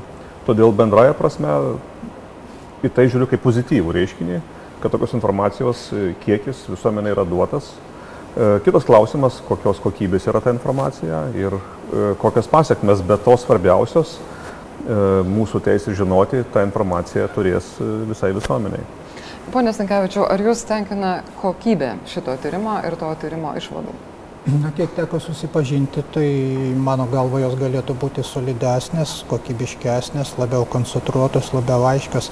Yra daug tokių bendrų žodžių, bet matot, visos išvados turi būti parem, paremtos konkrečiais įrodymais, konkrečiais dokumentais. Negalima na, teikti, pateikti tam tikrų nuostatų teiginių, jų nepagrindžiant. Tai tai, ką aš mačiau tikriausiai ne galutinį tekstą, o juodraštį, tai ten lyg tai pasigėdau. Bet aš norėčiau pratesti kolegos Algymanto žodžius, kad Seimo narys yra tautos atstovas pagal konstituciją. Ir jis e, nėra verslo e, grupių, finansinių grupių atstovas ir panašiai. Ir jam laisvas mandatas suteiktas ne tam, kad jis tenkintų asmeninius grupinius partinius interesus. Jis turi veikti ir visa jo veikla turi būti nukreipta į konstitucijų, konstitucinių vertybių gyvendinimą, į tarnavimą visuomeniai valstybei. Tai šis tyrimas yra labai svarbus ir man atrodo labai netgi reikšmingas tuo požiūriu, kad jis atskleidė tamsiuosius e, sluoksnius, juodasias, tamsiasias politikos pusės, ko nei konstitucija, nei visuomenė, nei įstatymai, apsitai demokratinė teisinė valstybė negali toleruoti. Tai bendras vertinimas tyrimo yra tikrai palankus ir pozityvus, nes jis, na, viena vertus jis nubrėžia ribą, ko verslas negali peržengti. Verslas visur daro įtaką politikams, bet jis daro įtaką civilizuotomis formomis. Ar tai lobistinės veiklos įstatymą, ar deklaruodamas savo tikslus ir siekdamas ne tik verslo tikslų, bet ir visuomeniškai reikšmingų tikslų. Tas verslo, verslo tikslas turi sutapti ir su visuomenės valstybės tikslu. Bet čia mes matome, kad tos ribos peržengtos. Kita vertus, nu, man atrodo, tyrimas dar kartą priminė Seimo nariams, kad tai yra tautos atstovai, ne verslo grupių atstovai. Ir priesaiko jas saisto. Ir bendraudami su verslu irgi negali peržengti tam tikros ribos. O čia ribos dažnai yra peržengtos. Aš noriu paklausti Algymanto Šindeikio. Šitas tyrimas nuo pat pradžių sulaukė priekaištų, kad jis gali būti na, politiškai selektyvus. Tai yra, kad bus pasirinkti politiniai oponentai ir bus tik tai jie tyriami ir dėl to jo negalima laikyti objektyviu. Kaip Jūs vertina tokius priekaištus, ar sutinkat su jais? Na, tai e, politiškai e, neįmanoma yra išvengti tokių priekaištų, todėl kad visuomet parlamente kuri nors partija turi daugiau balsų negu jų oponentai. E, tokia yra politinė logika, tokia yra rinkimų logika. Tie, kas laimi rinkimus, tie sudaro visų komisijų daugumą tų aplinkybių susijusių su vidinėmis politikų rėtinomis ir norėjimas išvadų, išvadomis e, ne tiek e, pastarnauti visuomeniai, pasakyti iš tikrųjų, kad e, politikai privalo, kaip sakė profesorius, būti nepriklausomi, turėti laisvą mandatą ir elgtis taip, kaip prisiekė, tai yra tarnauti valstybei, pilietiniai tautai šituo atveju sakyčiau, kad e, aš nebūčiau linkęs sureikšminti tokį politikų e, pasakymą, todėl kad jis yra nuolat skambantis bet kokiamis aplinkybėmis, kad, kad ta informacija nėra reikšminga dėl to, kad politikai siekia pažeminti savo oponentus ir išaukštinti save. Bet tai yra bendras procesas politinis. Mes e, turim turėti tokiu atveju selektyvę klausą į tokius dalykus labai mažai kreipdėmėsio ir pabandyti iškoti, ką minėjo profesorius, įrodymų ir pamatyti, kokius sprendimus konkrečius politikai šituo atveju planuoja priimti, kurie galėtų pakeisti Tiesą pasakius, reikia pripažinti, kad vien pateikimas tokios informacijos jau yra pokytis, nes žmonės supranta, kaip yra daroma politika ir kokie politikai iš tikrųjų elgesi padoriai. Ne tik politikai, taip pat žiniasklaida, kuri yra laisva. E, žurnalistai turi būti laisvi žmonės. Jie turi būti laisvi tą prasme, kad jie galėtų reikšti savo nuomonę, rinkti informaciją, skleisti ir gauti. Jeigu jie yra įtakojami jų darbdavių, tai jau yra problema, nes iš tikrųjų aš laikyčiau e, žurnalistus ketvirtąją valdžią, reiškia, jie nėra priklau, nepriklausomi. Taip pat kaip nėra nepriklausomi kai kurie politikai. E, jeigu yra nepriklausomi, mes negalime gauti objektyvos informacijos. Negalime gauti informacijos apie svarbius dalykus, o gaunam informaciją tą, kuri yra reikalinga, kad mums kad būtų pateikta. Tokiu atveju tai taip pat, aš manyčiau, yra problema su pažeidimais konstitucijos, būtent saviraiškos laisvės, išraiškos laisvės. Ir e, tai be abejo mūsų demokratija yra didelė problema. Bet dar kartą kartoju, kad e, tas tyrimas bendraja prasme, jis duoda mums bendrą vaizdą, kaip tai viskas vyksta. Ir mes turime galimybę susidaryti nuomonę apie atskirus politikus, atskiras grupės žiniasklaidos, atskirus žurnalistus ir vertinti juos savyje ir priimti teisingus sprendimus, renkantis ne tik tais politikus, bet renkantis ir savo informacijos kanalą. Noriu paskaityti keletą komentarų, kuriuos mums palieka mūsų transliaciją stebintis žmonės ir, na, jie yra įvairiausi. Vienas yra toks, Andrius Žukauskas sako, problema yra tame, kad žinojimas apie veiklą ir įrodymai yra du skirtingi dalykai, gali žinoti, gali įtarti, bet jei neturi tiesioginio nenuginčiajamo įrodymų, negali nieko daryti. Ir čia, ką profesorius Sinkevičius kalbėjo, kad kiekviena išvada turi būti pagrista kažkokiais įrodymais. Jūs esate vienas iš mūsų konstitucijos tėvų. Kaip galėtumėte paaiškinti ir žiūrovams, ir šiaip žmonėm besidomintiem tokį štai vieną dalyką? Kodėl tiek metų, kaip rašo ir, na, čia turbūt pseudonimas yra Gutas Gutas. Saugumas ir žvalgyba rinko informaciją 10 ir 15 metų ir negalėjo jos pateikti anksčiau, iki pat dabar. Kame buvo problema? Ar jūs galite paaiškinti, kur jinai buvo, jeigu buvo? Suprantu, matyt, buvo irgi susidurta su ta problema, ar pakanka įrodymų, kad iš to galima būtų na, daryti tam tikras objektyvias pagristas išvadas. Matyt, reikėjo tam tikro, laiko, tam tikro laiko, reikėjo informacijos tam tikros sankaupos susisteminimo ir kai pasimatė jau ta Lietkalnio tikroji viršūnė ir kas po jo yra, kur priimami iš tiesų sprendimai, o kas paskui tik tai Seime legalizuojama pakeliant rankas, matyt, tada ta informacija ir buvo naudota, nes prisiminkime, kad buvo pradėtos ir yra jau teismuose, kiek aš žinau, kelios bylos susijusios, su vienai par kitaip susijusios su verslo ir politikų sąsajom. Tai galima suprasti, bet e, mes neužmirškim, kad e, štai šitas reikalavimas, kad kiekviena komiteto išvada turi būti pagrista dokumentais arba kitais įrodymais, yra įrašytas įstatymą. Laikinųjų tyrimų komisijų įstatymas reikalauja. Ne šiaip savo pateikti, nu, atvirai, jeigu paklausčiau dabar, ar tai buvo labai didelė paslaptis, kad verslas daro atvirą įtaką kai kuriems politikams. Tai visuomenė tikrai apie tai ne vienus metus kalba, bet dabar atsirado įrodymai, atsirado realūs faktai, atsirado konkrečios bylos. Tai mes turime džiaugtis, kad atsirado tos bylos, kad buvo sukaupta informacija ir taip toliau. O dabar teismas nagrinėdamas bylas, jis atsijos, ar ta informacija buvo surinkta teisėtais būdais, ar ją galima panaudoti kaip įrodymus, ar jie atmestina yra. Bet čia reikėtų atskirti du dalykus turbūt ir aš pritariu savo kolegai Algimantui, kuris sako, kad visuomenė vis tiek šiuo atveju nagavo liktai kažkokio grino oro gurkšnį, ta prasme, kad jis sugebėjo vis tik pastebėti, tas verslas, kuris atrodo valdo viską, na, nėra toks visagalis, kad yra dar viešumas ir dar, dar visuomenės nuomonė yra, dar yra žiniasklaida laisva, kuri gali iškelti tos. Ir man atrodo, šitas tyrimas, jis nu, padeda formuoti labai svarbų dalyką, tai visuomenės nepakantumą, netoleranciją tokiems dalykams ir galbūt didesnį reiklumą tiems, ką mes ateityje rinksim į Seimą. Nu, pasižiūrėkite, nu, mums tų Seimo narių niekas neatsinčia, mes juos išrinkame. Ir dabar, kai kalbame, kad tobulinsim įstatymus, tai pažiūrėkim tų įstatymų, kiek yra viešųjų privačių interesų darinimo.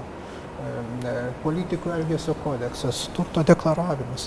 E, visų, bet jeigu Seimo nario sąžinė nukreipta į asmeninius interesus, į grupinius interesus, į partinių interesų protegavimą, tai čia kurk nekurktų įstatymų, tai verslas visada ras būdą prisijaukinti tokius Seimo narius. Tai aš matau čia to tyrimo didelį reikšmę vis tik viešumas. Viešumas ir nepakantumo augdamas tokiems dalykams, mes turime eiti tam tikrą kelią. Ir kiekvienoje visuomenėje mes rasime, pasižiūrėkit, ir Vokietijoje buvo kancleris Kolis, ir Prancūzijoje buvo prezidentai įsipainę su to neaiškiu finansavimu partijų ir panašiai. Bet tai yra reti dalykai, tai yra visuomenės pasmerkiami dalykai, atmetami dalykai. Mūsų visuomenė yra per daug dar tolerantiška tokiems reiškiniams. Tai va šitas tyrimas galbūt jis paskatintų truputį didesnį reiklumą. Šiek tiek apginant valstybės saugumo departamentą ir pasakant komplimentą jiems. Ir tas klausimas, kodėl dabar, jisai turi labai aišku atsakymą. E, pagal pataisytą prieš eilę metų įstatymą saugumo departamento, jie teikia informaciją pagal valstybės vadovų ir Seimo komiteto paklausimus. Šituo atveju e, pono Bako vadovaujamas komitetas, jis paklausė saugumo departamento ir jis gavo tokią išvadą. Retorinis klausimas, kodėl valstybės vadovai iki šiol neklausė tam tikrų dalykų ir negavo tokios medžiagos ir jos nepaviešino anksčiau. Galbūt tas poveikis būtų buvęs dar didesnis. Tai atsakymas yra toks. Dėl įrodymų. Įrodymų negalima nei sureikšminti, nei nureikšminti. Iš tikrųjų, įrodymų vertę baudžiamojoje byloje teismas sprendžia labai griežtai. E, tik tais tai, kas yra įrodyta be jokios abejonės, baudžiamoji bylo yra įrodymas ir pagal jį gali būti sprendžiama, ar žmogus yra kyšininkas, ar jis prekiavo poveikiu ar ne. Tos baudžiamosios bylos vyksta. Matyt, prokurorai jaučiasi, kad surinkę pakankamai įrodymų ir tos bylos bus ištirtos. Politiniuose tyrimuose tie įrodymai neturi būti tokie, kuriais nebūtų absoliučiai jokių abejonių. Tai gali būti įrodymai netiesioginiai, žmonių pasisakymai, tam tikri parodymai, tam tikri procesai, tam tikra analizė. Šituo atveju tokius įrodymus taip pat mes vertindami viešąją erdvę, neteisdami žmogaus baudžiamąją prasme, mes galime juos vertinti kaip pagrindą tam tikriems dalykams. Nes jeigu žmonės kalba telefonu ir kalba apie tam tikrus dalykus, jeigu žmonės gauna į savo viešas įstaigas tam tikrą paramą, mes tikrai turime teisę manyti, kad tarp šitų veiksmų yra kažkoks tai ryšys. Ir tas ryšys yra ne politikų naudai. Nes e, verslas paprastai dalykų, kurie reikalingi visai tautai, visai visuomeniai, nėra linkęs finansuoti. Nes verslas siekia savo interesų, tai yra normalaus verslo, yra, požymis yra. Iš tikrųjų, net mūsų konstitucijoje parašyta yra, kad Lietuvos ūkis yra grindžiamas e, privačiu verslu ir jo iniciatyva. Tai, tai nereikia kaltinti verslininkų, kad jie siekia savo interesų, kas kita yra, kaip tos interesus jie realizuoja. Iš tikrųjų, ar realizuoja tos interesus sąžiningai, kaip minėjo profesorius, lobistinė veikla, pasiūlymai, įtikinėjimai, įrodymai, ar tiesiog primityvus, šlikštus, brieurus, brutalus pirkimas prostitučių, kaip, e, sakyčiau, politikų kaip prostitučių pirkimas, nebijau to žodžio, tai taip pat rodo viskas. E, ir tai yra visuomeniai, aš manyčiau, nežinau, ar čia gaivaus e, koks nors yra oro gūsis yra, gal daliai visuomenės tai tik patvirtinimas bus, kad kaip jie galvoja apie Lietuvos politiką.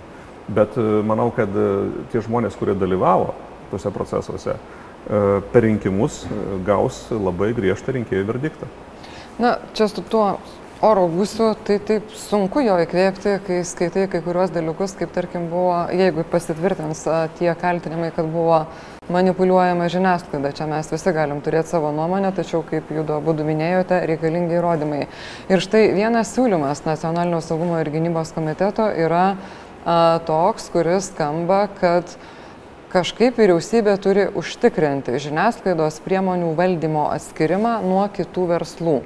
Ar judu, kaip teisininkai, ar kuris nors vienas iš jūsų galite paaiškinti, kaip tai realiai galima būtų padaryti a, valstybėje, kuri laikosi konstitucijos na, ir kitų savo įstatymų, ponė Sinkevičiu? Cenzūra draudžiama yra teisė gauti informaciją, teisė skleisti informaciją, konstitucinės vertybės. Tai pamatiniai dalykai ir valstybė vargu ar čia jį gali reguliuoti. Jį gali reguliuoti tik tiek, ar laikomasi konstitucijos. Kitaip tariant, ar nėra kurstama tautinė nesantaika, ar laikomasi dar kažkokių e, imperatyvų, kurie yra įtvirtinti konstitucijai. Bet visa kita kontrolė, kaip ją ir kokiais žodžiais nepavadintume ir atskirti ją nuo verslo yra neįmanoma. Na, tai ką mes turėsime, valstybinė televizija tik tai. Taip, bet mes turime turbūt kalbėti apie atsakingą žiniasklaidą, apie jo savikontrolę, apie jo savireguliaciją, nes iš tiesų e, kartais, na, e, galima pasakyti, žmogus renkasi, ką žiūrėti, bet kai yra labai daug, reiškia, tų laidų, kurios, na, atvirai kalbant, tos informacijos yra labai mažai, bet yra, reiškia, dar manipuliuojama ta informacija arba nukreipiama, matosi kryptingai. Juk nepaslaptis, kad mes nu, atsivertę kažkokį dienraštį, mes jau žinome, kad ten apie prezidentę nieko gero nerasime. Jungia kitą kanalą, mes žinome, kad tai bus kalbama apie tą ir bus kalbama tik tai taip. Tai tvarkoj, bet žmonės turi rinktis. Bet šitie pasiūlymai vienaip ar kitaip kontroliuoti žiniasklaidą, ne konstitucijos rėmose, e, atskirti savininkus ar nustatyti kažkokius dar ten barjerus ir visą kitą, aš manau, jie neturi perspektyvų. Jie neturi perspektyvų. Paprasčiausiai konstitucinis teismas tokias įstatymo pataisas, jeigu jos bus daromas, jis jas pripažins prieštaraujančias konstitucijai. Mūsų politikams nėra reikalinga nepriklausoma žiniasklaida. E, nėra reikalingi nepriklausomi žurnalistai. Aš esu dirbęs daug metų žiniasklaidoje ir tai žinau labai asmeniškai. Galit pasipasakoti, kas darė spaudimą? Mūsų politikams reikalingi žurnalistai, žiniasklaida, kurie būtų valdomi, kontroliuojami ir būtų nulatiniai bado būsenoje. E, demokratinėje valstybėje, vakarų prasme, jeigu tikrai politikas yra demokratas ir jis nori laisvos šalies, e, jo pareiga yra pasirūpinti, kad žurnalistai, žiniasklaida turėtų pinigų kad jie iš savo profesijos užsidirbtų. Ir tuomet tas jų finansinis pagrindas duoda pagrindą nepriklausomumui. Tada ir redaktorius, ir žurnalistas, ir skyriaus redaktorius, ir reporteris, ir tyrėjas gali pasakyti e, įmonės vadovui, kad aš dirbu savo darbą pagal savo profesiją, kaip mane reguliuoja etikos kodeksas ir tu iš to uždirbi. Ir tai yra mūsų indėlis į šitos bendrovės veiklą. Kai mūsų politikai, konkrečiai Andros Kubiliaus vyriausybė, tuomet vadovavo finansų ministerijai ponė Šimonytė, per naktį pakeitė mokesčius žiniasklaidai, padidindama juos keturis kartus. Ne procentus, o keturis kartus, pakeldami PVM mokestį. Tai parodė tikrai požiūrį jų į žiniasklaidą. Parklubdyti ant kelių ir priversti inkšti ir prašyti pašal, pašalpos. Tai e, todėl mano tie visi e, svarstymai čia, kad atriboti nuo verslo žiniasklaidą, tai sakyčiau tada klausimas, o iš ko gyvens žiniasklaida? Iš, iš pašalpų ar iš išmaldos per mišęs turės eiti rinktis, ar iš ko jie gyvens? Yra kitų klausimų labai daug, labai sudėtingų. Aš nemanau, kad Lietuvos politikams jie yra įkandami. Nes, tarkim, Vokietijos rinkos žiniasklaidos visuomet labai yra matuojama, kokio jinai dydžio turi būti, kad jinai galėtų save išsilaikyti kokio neturi būti dydžio, kiek turi būti licenzijų uždavinėjama televizijoms, kiek turi būti šalyje leidžiama laikraščių, tai nėra reguliuojama, nėra pasakoma, kad tiek arba tiek. Klausimas toks yra, ar rinka leidžia būti žurnalistams nepriklausomiems, gyventi pagal jų etikos reikalavimus, etikos kodeksus. Jeigu nėra tų priemonių, žiūrėkime, kaip tai padaryti. Ne duodant pakišą, ne kažką numetant iš ministerijos ir pajungiant savo interesams, bet realiai nepriklausomai visuomeniai yra reikalinga tik tais nepriklausoma, objektyvi, iš savo profesijos gyvenanti žiniasklaida. Jeigu tokios nėra, taip pat nėra ir demokratijos. Labai gaila. Na, kalbant apie žurnalistus, manau, kad yra dar kartą tinkama proga priminti, kad iš tikrųjų Ukraina prisipažino inscenizavusi žurnalisto Arkadijaus Babčenkos nužudimą. Ta žinia vakar sukrėtė, šokiravo ir nuliūdino ne tik didelę dalį žurnalistų bendruomenės, bet ir šiaip žmonių, kurie na, skaitydavo, ką tas žmogus rašo. Taigi tai buvo provokacija, siekiant išsiaiškinti, kas gali būti suinteresuotas iš tikrųjų nužudyti um, Arkadijų Babčenką. Uh, noriu paklausti pono Vytauto Senkevičiaus. Uh, saugumo ir gynybos komiteto išvadose yra uh, sakoma, kad vieno koncerno veikla kelia grėsmę valstybės sąrangai ir saugumui. Ar Lietuva yra pajėgi atsispirti tokiam dalykui, kad na, vienas koncernas, vienas arba kitas galėtų sugriauti jos sąrangą arba stipriai apgadinti? aš manau, šitas tyrimas rodo, kad Lietuva tikrai pajėgi atsispirti ir man atrodo gal sureikšminama yra koncerno įtaka. Aš kalbėčiau daugiau apie tai, reiškia, apie politikų atsakomybę. Tai juk konstitucija suteikia jiems visas garantijas. Tikrai būti nepriklausomams, vadovautis tik konstitucija, valstybės interesai, savo sąžinę, kuri nukreipta net bet kur, o būtent į konstituciją. Ir štai, kai politikai turi tas galimybės, bet jie, na, kažkaip užmiršta savo priesaiką, užmiršta, kad atėjo tarnauti visuomenė ir visa kita, tai verslas visada ieškos būdų, kaip papirkti, paveikti, įtakoti tos politikus, suprantama yra. Tai, bet manyti, kad vienas koncernas ar keli koncernai gali sugriauti konstitucinę santvarką, gali sugriauti nu, tą sąrangą valdžių, gali paneigti demokratijos principus, laisvos ir nepriklausomos žiniasklaidos principus, aš manau, mes labai sureikšminama. Bet šitas tyrimas svarbus to, kad vis tik nu, valstybė turi būti pajėgi ir ji yra pajėgi užkirsti kelią, nu, štai tokiems ryšiams, tokiems neteisiniams. Ne tai, kad, nu, jie netoleruotini tie ryšiai. Vokietijos pavyzdį jūs minėjote, tai Vokietijos ir konstitucinis teismas ir e, naudoja, reiškia, karingųjų demokratiją. Tai demokratija, visuomenė, teisinė visuomenė irgi turi gintis. Ji turi gintis nuo tokių koncernų, kurie veikia neteisėtom priemonėm. Ir tų būdų valstybė turi pilnai.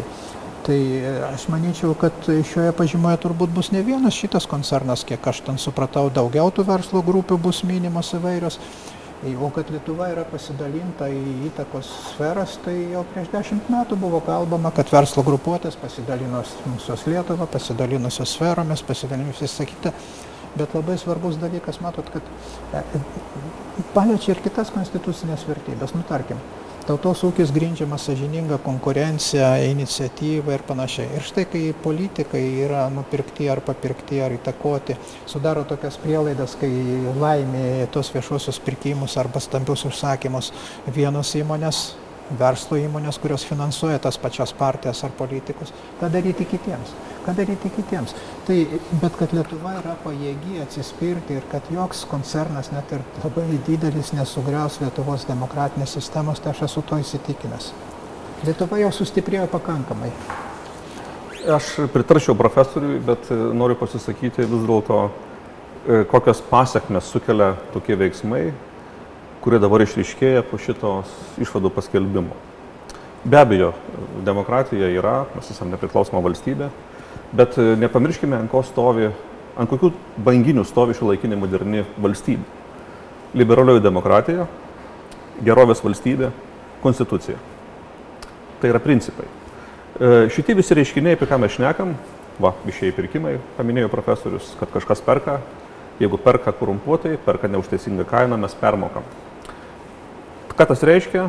Iš žmonių kišenių paimami pinigai yra tam, kad finansuoti politinę korupciją. Tai atima iš mūsų valstybės greitesnį progresą į gerovės valstybę, kuri yra būtina, kad ta valstybė apskritai išliktų. Kokie mūsų iššūkiai yra? Kiek mūsų gyventojų paliko šitą šalį, šiandien gyvena kitose valstybėse ir moka tenais e, mokesčius, ne Lietuvos valstybė yra. Pasiekmė, ko tai, ko tai yra? Tokių bazinių elementarių dalykų.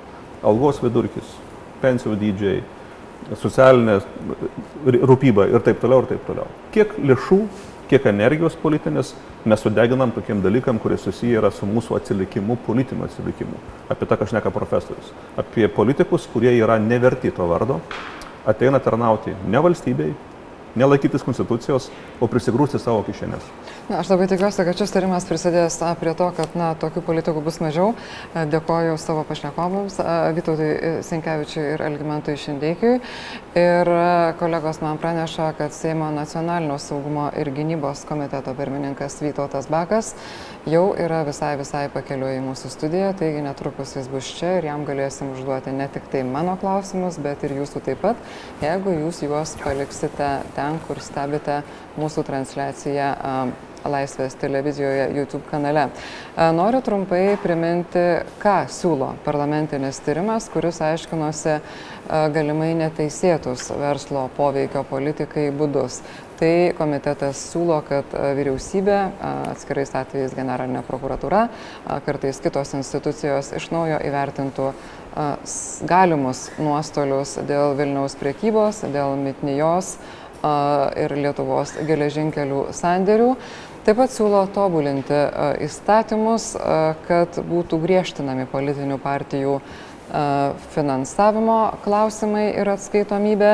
Na, taip pat siūlo vyriausybei užtikrinti žiniasklaidos priemonių valdymo atskirimą nuo kitų verslų ir nustatyti administracinę atsakomybę už laikinosios tyrimo komisijos iškeltų reikalavimų nevykdymą ir bausti už su tyrimu susijusios informacijos nutekinimą, kol nėra paskelbta parlamentinio tyrimo išvada.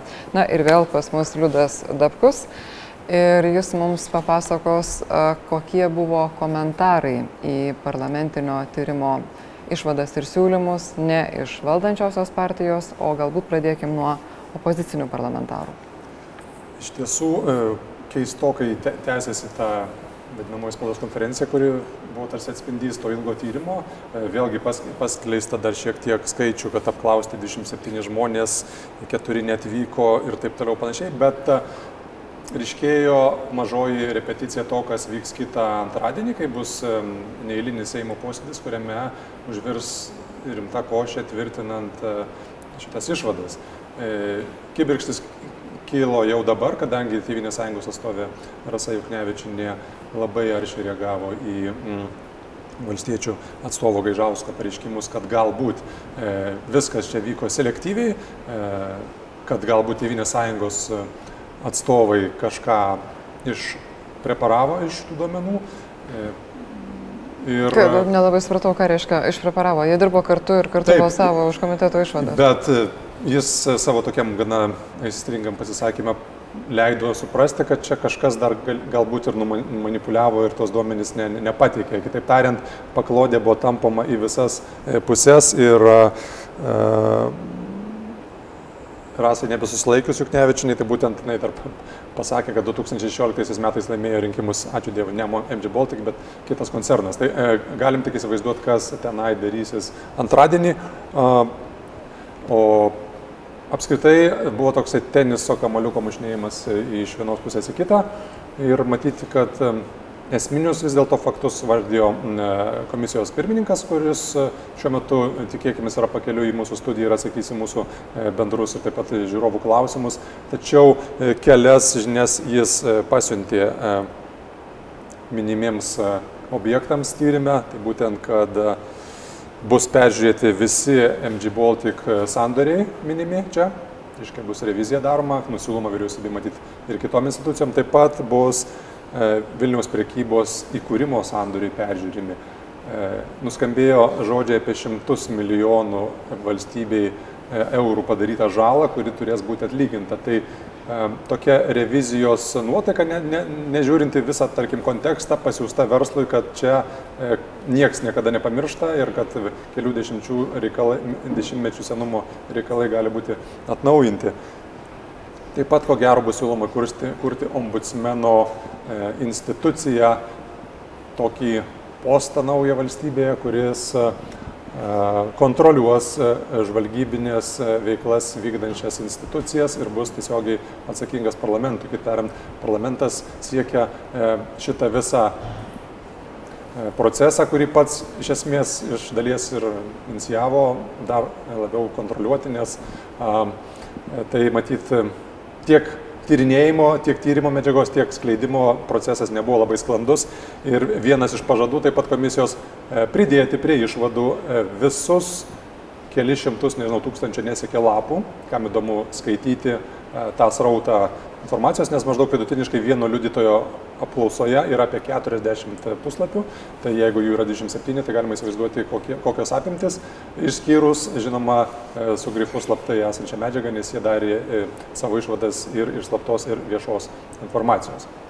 Ar buvo kokio nors na, užuomenų arba bandymų paaiškinti uh, tą situaciją, kurią stebėjome šiandien? Na, viskas buvo kaip ir slapta ir vyko uždarame komiteto posėdėje, kol maždaug 5 val. po pietų visi informacijos portalai ne, tiesiog patvino nutekintą informaciją su išvadų projektu.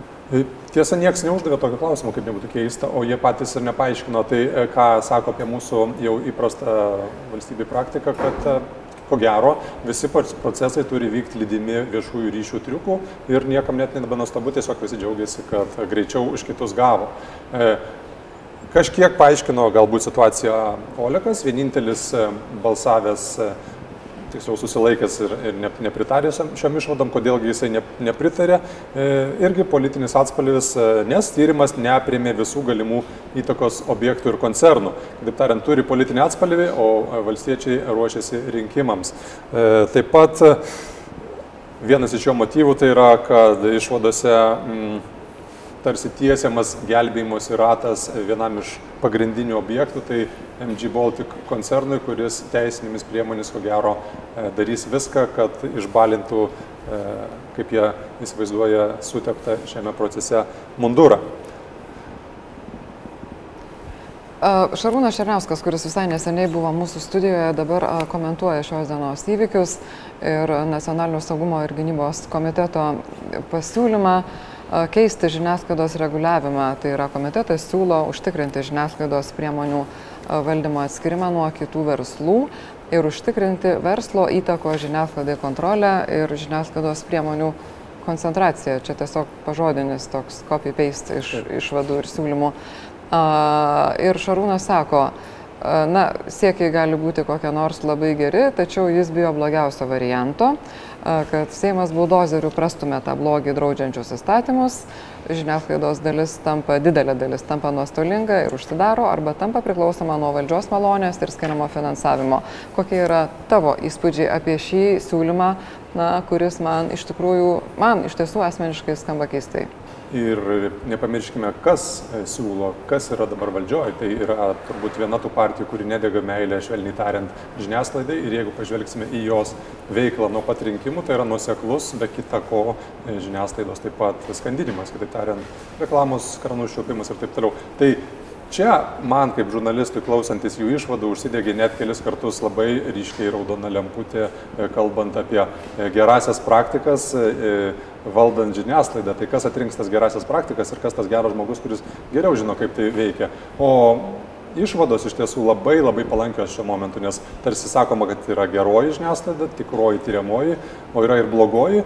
Ir paliekama vėlgi, kodėlgi neįkūrus dar kokio nors ombudsmeno, kuris turėtų didelės galės, o kadangi žiniasklaida apskritai yra apsilpusi, neturėdama e, finansinių išteklių tokie, kokie kadaise buvo, dabar jinai dar yra e, eilutė po eilutės reikiuojama kartu su oligarkinėmis grupuotėmis, pasakant, kad yra silpna, e, vos netarnaujanti svetimų valstybių interesams, kad su jie galima turbūt reikėtų šiek tiek padirbėti, kad e, vardantos, reiškia, viskas būtų išspręsta. Tai žinant jų kompetencijas kitose srityse ir matant šito dokumento kokybę, labai e, reikėtų atidžiai sekti šitą procesą, nes tai yra visuomenės interesas, ne tik žiniasklaidos, tačiau kiekvieno žmogaus teisė žinoti, nes mes galime labai labai greitai prarasti vieną didžiausių savo laimėjimų per visus tos dešimtmečius nepriklausomybės ir turėti, e, jei ne vieną, tai pusantros tiesos ir jie džiaugtis. Na, iš dalies aš manau, kad galima laikyti tam tikrų simbolių požiūrio į žiniasklaidą ir tai, kad šiandieną mums į šią studiją nepavyko prisikviesti ne vieno Lietuvos valstiečių ir žaliųjų sąjungos narių, išskyrus jau pakeliui čia esantį Vytautą Baką, nacionalinio saugumo ir gynybos komiteto pirmininką. Bet šokime mes truputį iš Lietuvos ir pabandykime papasakoti mūsų žiūrovams, kaip šis tyrimas yra vertinamas kitose vakarų šalise ir kiek tai yra svarbu, tai ką mes čia šiandien aptarinėjame. Iš tiesų, na, turėčiau nuvilti Lietuvos žmonės, kadangi rašau apie Lietuvos įvykius daug metų ir pasiūlius tokią temą, tiesiog aš vos ne ragelio e, kitame gale ten išgirstų guštelėjimą pečiais, nes iš karto natūrus klausimas, o kasgi e, grėsia, reiškia, jeigu čia toksai e, Lietuvai ir jos establishmentui, jeigu čia toksai drebinantis pamatus politinis jau įvykis. Ar kris ministras, gal keli, gal vyriausybė, gal netenkama daugumosime, na į visus klausimus yra atsakymas ne.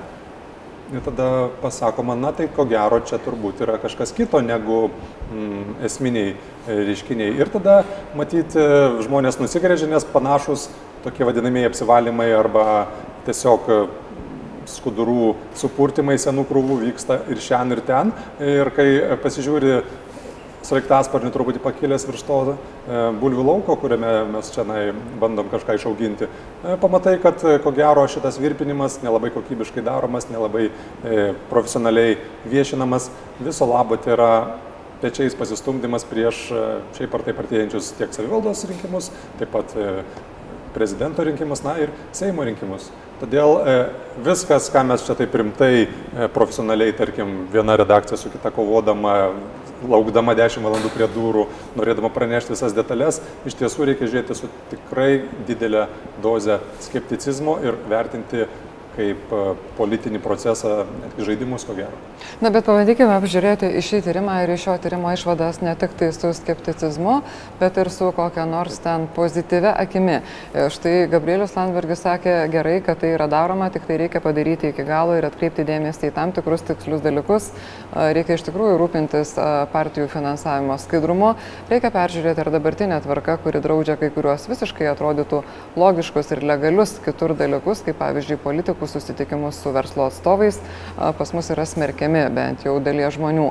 Eugenijus Gentulas, liberalų sąjūdžio pirmininkas, irgi sako, kad tyrimas nėra be trūkumų, bet iš esmės jis turi ir teigiamų dalykų. Vienas iš konstitucijos kuriejų Vytautas Sinkevičius sako, kad vien tai, kad žmonės apie tai sužino ir pradeda kalbėti, irgi yra teigiamas dalykas, na, nes leidžia tokių dalykų išvengti bent iš dalies ateityje. Kokių tu matai, jeigu matai teigiamų šio tyrimo aspektų? Aš taip, grįžtant į, į, į lokalų tą mąstymą, iš tiesų tai, kas čia vyksta dabar, mes esame emocijoje tam tikram šokė, kuris ne nuo šios dienos paskelbimo, bet nuo anksčiau. Tęsiasi, o dabar tarsi dokumentuojama. Tai šokas yra gerai. Iš tikrųjų, nusėstos dulkės, kažkas išliks, kažkas kris, bet jeigu tas apsivalymas įmanomas, tikrai jo nebūtų buvę be šito dalyko, kurį mes kaip ir aptarėm kažkada čia, kurią tai dieną nuo ko prasidėjo, gi prasidėjo viskas nuo Seimo nario e, Baščio apkaltos, e, siūlo galas, e, kuri timptelėjus staiga išnyro labai didelis tinklas. Ir kuo tas tinklas didesnis, kuo bus geriau įsigilinta, taip, grėsmių yra daug, bet tą reikia padaryti iš tiesų.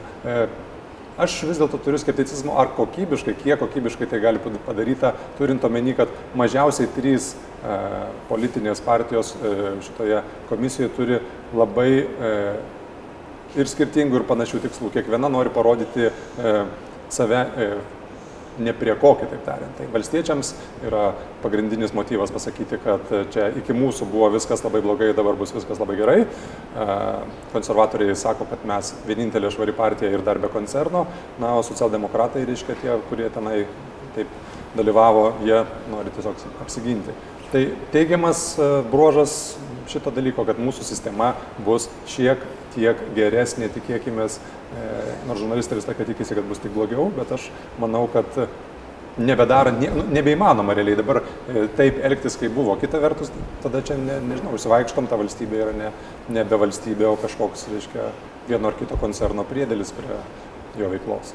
Tiems, kurie dar neuždavė klausimo Seimo nacionalinio saugumo ir gynybos komiteto pirmininkui Vytautui Bakui, siūlau tą padaryti kuo greičiau, nes aš jau jį matau, jis yra mūsų studijoje ir netrukus prisijungs prie mūsų su liudu. Taigi užduokite klausimus, o kol laukiame jo visai čia pat prie mūsų prisijungiant, noriu dar pasikalbėti su liudu apie tai štai, ką rašo Danielius. Jis sako, Kaip būtų galima užtikrinti, kad per ateinančius rinkimus jokios politinės jėgos na, nepa, nemanipuliuotų tokiais dalykais ir dalykai nesikartotų? Nu, klausimas iš tiesų iš esmės, vis, jeigu Danielius perskaitytų šios komisijos pasiūlymus, juose yra tie racional, racionalūs grūdai, kurie, e, tai jeigu juos įgyvendinus, jie taptų tais rimtais saugikliais. O ką reikia padaryti, kad iš tų grūdų kas nors išauktų? E, kad iš jų išauktų, reikia tiesiog e, lobizmą susitvarkyti, reikia susitvarkyti finansavimo ar vieną arba kitą kryptį partijų. Taip pat, aišku, po padidinamoji stiklų laikyti įvardintasias, reiškia, grupuotės jos bus ar taip ar taip dabar nuolat minimos, nuolat bus procesai, e, kurie baigsis Europos žmogaus teisų teisme, ko gero. E, domėtis viskuo, turėti patikimus šaltinius, tokius kaip Laisvės televizija. Nes vienas iš procesų, kuris man labai koreliuoja su to, kas vyksta pasaulyje, tai yra informacinių e, čiaupų atsukimas iki galo. Nes jeigu mes palygintumėm, kas buvo cenzūra 20 e, amžiuje, valstybėje, kuri buvo mūsų okupavusi, tai buvo informacijos e, čiaupų užsukimas iki visiško minimumo, arba net jo ne, ne, iš visi panaikinant. Kas vyksta dabar, čiaupai yra atsukti maksimaliai, srautai yra klaikus ir žmogus nebesusigaudo, kur yra pelai, kur yra grūdai, kur yra melas, kur yra tiesa, o kai yra šitiek daug visko, labai lengva manipuliuoti žmogumi, jo įsitikinimais, jo balsavimo pasirinkimais. Na, vienas labai konkretus klausimas, kurį aš tikrai užduosiu ponui Vytautui Bakui, kai tik jis atsisės į tą nebūtinai labai šaltą kėdę tarp manęs ir Liudo Dabkaus, yra apie tai, ką jis pats visai neseniai kalbėjo spaudos konferencijoje Lietuvos parlamente.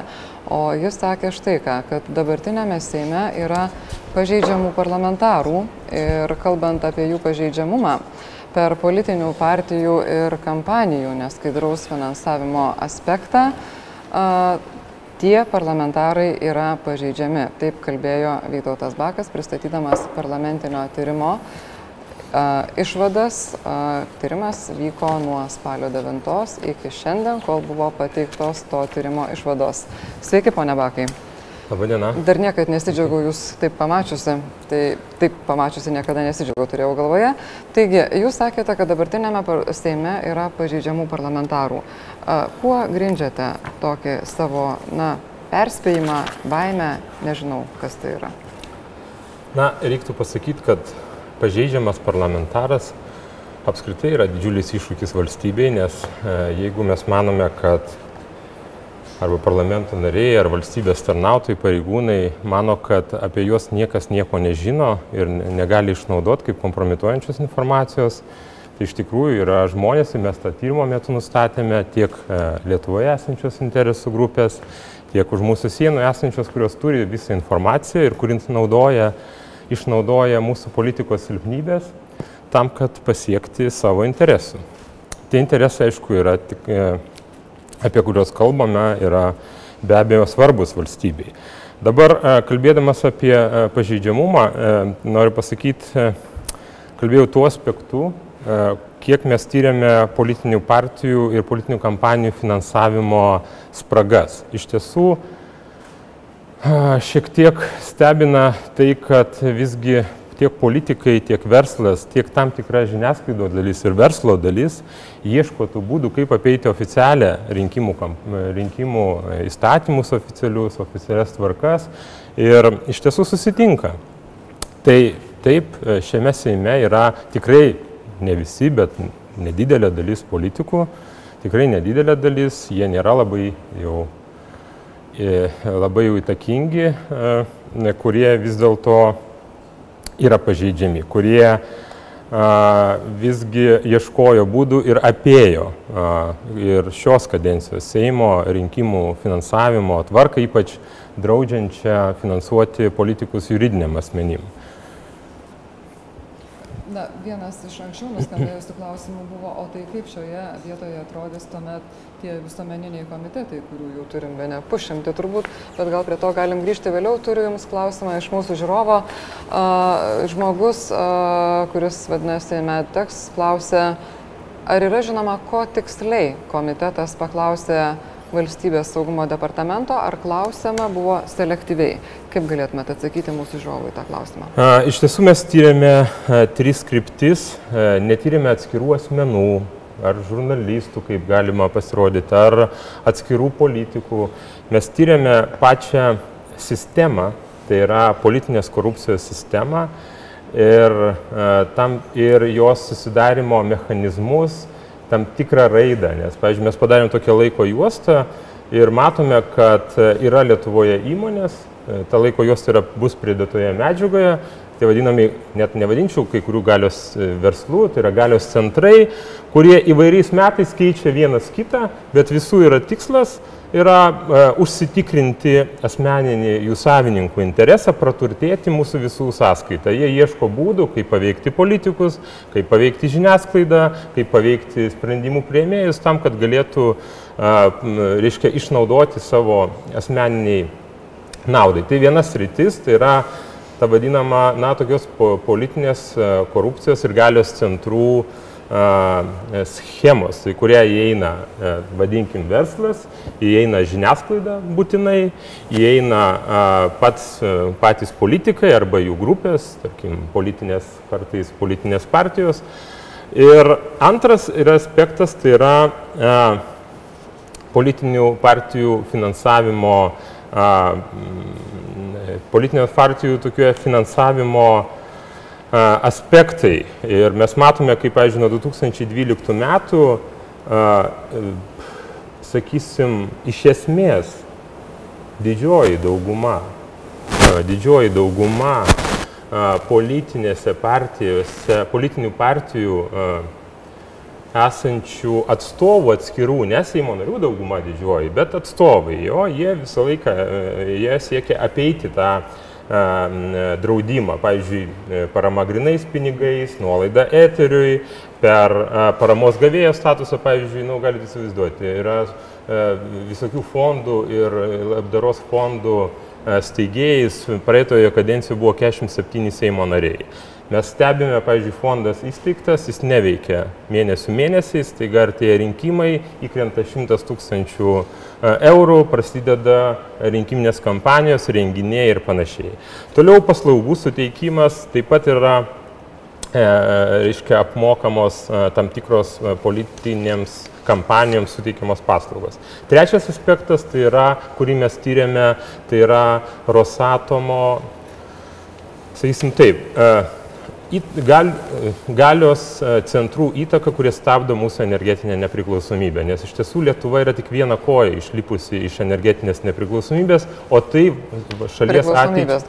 Iš, e, jo, priklausomybės, o energetika ilgai buvo tokia mistifikuota, bet reikia pasakyti, kad čia ko gero pati svarbiausia dalis. Nes e, mūsų gerovė, mūsų valstybės, jos visuomenės gerovė priklauso, kaip greitai mes ištrūksim iš tos um, energetinio žiedo ir ką mes matome ir tą atskleidėme, nes tą reikia atskleisti, mes matome žmonės, įtakingus žmonės, kurie e, turi įtaką ir kairėje partijoje, ir dešinėje, turi įtaką žiniasklaidoje. Gal jūs galite juos įvardinti, nes tai yra, žmonės ir taip sako, taip, kad per daug už tų Tai yra ponas Tamulis, e, jis e, siekia, kad Lietuvoje būtų priimami palankus Rosatom įmonėms sprendimai. Na, jis tiesiog yra atstovas. Jis yra atstovas, aukšto lygio atstovas ir tai yra ponas Puidokas, buvęs KGB pareigūnas, kuris užtikrina paramą, sakysim, politinėje kairėje. Tai dukterinės Rosatom. Be abejo. Jo, dukterinės, šiek tiek žemesnio rango, bet kas yra įdomu, Rosatom schema yra sudėliota taip, kad jie atradė Lietuvoje tokių savanorių, kurie varžosi net tarpusavėje, jie pykstasi kartais, kuris geriau patenkins tą Rosatomo poreikį. Kitaip tariant, e, netgi yra konkuruojama dėl to, kas geriau taip ir greičiau padarys. Tai iš tikrųjų, pavyzdžiui, kada mes užduodam savo klausimą, kodėl nepaisant e, tokios įtampos, nepaisant to, kad Rusija pažeidinėja na, Europą, na, Europoje nusistovėjusią pasaulyje santvarką mes sukūrė, yra schema, per kurią Rosatomas, naudodamas ES milijardus, reiškia, uždarinėja Lietuvoje elektrinę. Vienas mitas buvo, kad niekas pasaulyje to negali padaryti. Mes įsigilinome, surinkome duomenys 40 įmonių JAV, Europoje, e, Japonijoje gali atlikti tokius darbus. Mums svarbu kad pas mus nebūtų jokių subjektų, nenaudotų mūsų pinigų, kurių tikslas yra pakeisti Lietuvos geopolitinę kryptį. Būtent Rosatomo vyrukų yra tokia užduotis. pagrindinių tikslų, bet jeigu pažiūrėtumėm į įmonės, kurios veikia kartu, jūs turbūt daug duomenų apie jas surinkot, kaip jūs apibūdintumėt, kuo jos skiriasi nuo šimtų kitų didelių įmonių, kas ten per DNR yra, e, ar ten yra daugiau teisininkų, ar ten yra daugiau cinikų. Tai yra, tai yra e, e, kalbant apie Lietuvos, Lietuvos įmonės. įmonės Na, aš pasakysiu taip. E, mes savo išvadoje MG Baltic koncerną e, su jo sakysim, verslo kultūra, matyt, čia yra tas klausimas, ma, e, su jo įtaka, ryšiais, tikslais, sisteminė veikla, žiniasklaidos išnaudojimu, įtaka valstybės institucijose. Mes matom visus požymius, kurie atitinka veiklos požymius organizuotos nusikalstamos grupės požymis. Tai yra sistemiškumas, tai yra platus ryšiai, tai yra a, ilgalaikė veikla, tai yra pasidalymas vaidmenim, nes, na, ponas Moskus ir dabar savo a, kažkur yra pareiškęs, aš nesikiždavau į tas reikalus. Taip, jis nesikiždavo, nes būdavo žmonių, kurie turi užduotis, kuriems visiškai nesvarbu, kaip pasiekti tą pelno maržą, ta prasme, nėra jokių stabdžių ir jų pagrindinis tikslas užsitikrinti ne tik liberalų partijoje, bet visose partijose e, palankius politikus, juos paperkant, šantažuojant ir tokiu būdu užsitikrinti sprendimus. Tai mes tą matėme kaip kito jų, e, jų e, sėkmė sėkmės istorija, pavyzdžiui, iki 2008 metų yra e, įstaigų valstybės, kuriuose apskritai neturėdavo beveik užsakymų ir po to atėjus, tarkim, palankiai politiniai daugumai, pajamos didėja šimtais kartų. Pone Bakai, čia kaip tik labai tinka klausimas nuo Like Sound, Niko. Jums klausimas. Jūsų asmeninė nuomonė, ar po šių išvadų yra tikimybė, kad kai kuriems dabartiniams Seimo nariams, kurie galimai buvo ar yra įtakoti koncerno, gali būti surinkta apkalta ar net teisiamųjų suolas? Ar mes kalbam tik tai apie tą kitą verslo pusę? Tokia tikimybė yra, nes tokia tikimybė yra ir aš ką noriu pasakyti iš karto. E, nenorėčiau, kad susidarytų įspūdis, kad kaltas verslas, kalta žiniasklaida. Ne. Politinės korupcijos užsakovai yra politikai jie ieško būdų, kaip e, ateiti pas verslą, kuris nori lengvesnių kelių, jie ieško būdų, kaip e, papirkti arba pamaloninti arba įtikti tam tikriem galbūt na, žurnalistam ar žiniasklaidos grupėm, jie yra užsakovai. Ir tikrai absoliuti dauguma Lietuvos verslo yra e, sėkmingas verslas, absoliuti žinia, žiniasklaidos taip pat yra sėkminga, tai yra tikrai pavieniai atvejai, bet šitie pavieniai atvejai buvo sukūrę tokią sistemą, kad tikrai e, tų žmonių, ekspertų ir mūsų vertinimų MG Baltikas buvo sukūręs beprecedentį E, Lietuvoje įtakos galios na, modelį. Bet juk mes ne vakar gimė ir suprantam, kad eliminavusi vieną koncerną, reikiuojasi kitas ir jums gana artimas. Ir čia yra sistema. Kritusi dulkės vienam, e, niekas nepasikeičia toje politinėje kultūroje, tie patys korupciniai modeliai. Taip pat tai e, jūsų išvadose ar yra numatyta daugiau saugiklių, kad ne tik apie šitą vieną kalbama arba du minimus? Iš tikrųjų pas mus yra įstatymai formaliai forma visi yra, visi veikia, bet aš galvoju, kad vienas iš sprendimų, ko gero pagrindinis sprendimas, tai yra sprendimas čia ir dabar ir komitetas siūlo, kad tas verslas ar tie galios centrai, kurie padarė žalą Lietuvos valstybei, Lietuvos visuomeniai, tą žalą atlygintų. Tai yra visų pirma MG Baltic, tai yra VP Market su savo antikonstituciniu E, Leo projektu, tai yra buvo politinės korupcijos projektas. Tai yra iš tikrųjų šimtai milijonų eurų ir aš manau, kad mes, e, manau, mes nutarėme kreiptis į prokuratūrą, viešųjų pirkimų tarnybą, energetikos komisiją, tam, kad būtų įvertinta žala ir a, tos įmonės a, pajustų pasiekmes, ne įmonės, o tie savininkai. Antras svarbus aspektas, aš manau, kuris turi, prasme, jeigu tu vagi iš valstybės, turi būti pasiekmes. Iki šiol Na, mes įsiaiškinom, nėra pasiekmes. Be abejo. O jeigu vagi iš valstybės, turi būti ypatingos pasiekmes. Antra priemonių grupė, kurią tikimės pritars Seimas, čia irgi noriu pabrėžti, ar Seimas turi pritarti, bet kurias mes siūlome, iš tikrųjų įmonės, kurios a, nesažiningai, neteisėtai veikia mūsų politinę sistemą, mūsų visuomenės gyvenimą, turi netekti galimybės dalyvauti valstybės užsakymuose, turi peržiūrėti, e, yra e, modelis valstybėje, praeitais metais priimtas, turi būti, manau, e, įvertintas šių įmonių atitikimas nacionalinio saugumo interesams ir ypatingai strateginiuose objektuose mūsų sektoriuose tokio įmonės negali turėti jokių užsakymų. Pone Bakai, čia dar vienas klausimas iš mūsų žiūrovo. Mantas Aliks rašo, ar su tokiamis išvadomis MG koncernas neprisiteis pinigų iš Lietuvos valstybės užmeištą, nes jūsų kaltinimai yra tikrai na, rimti ir jie tikrai... Ne, ne politinio. Absoliučiai.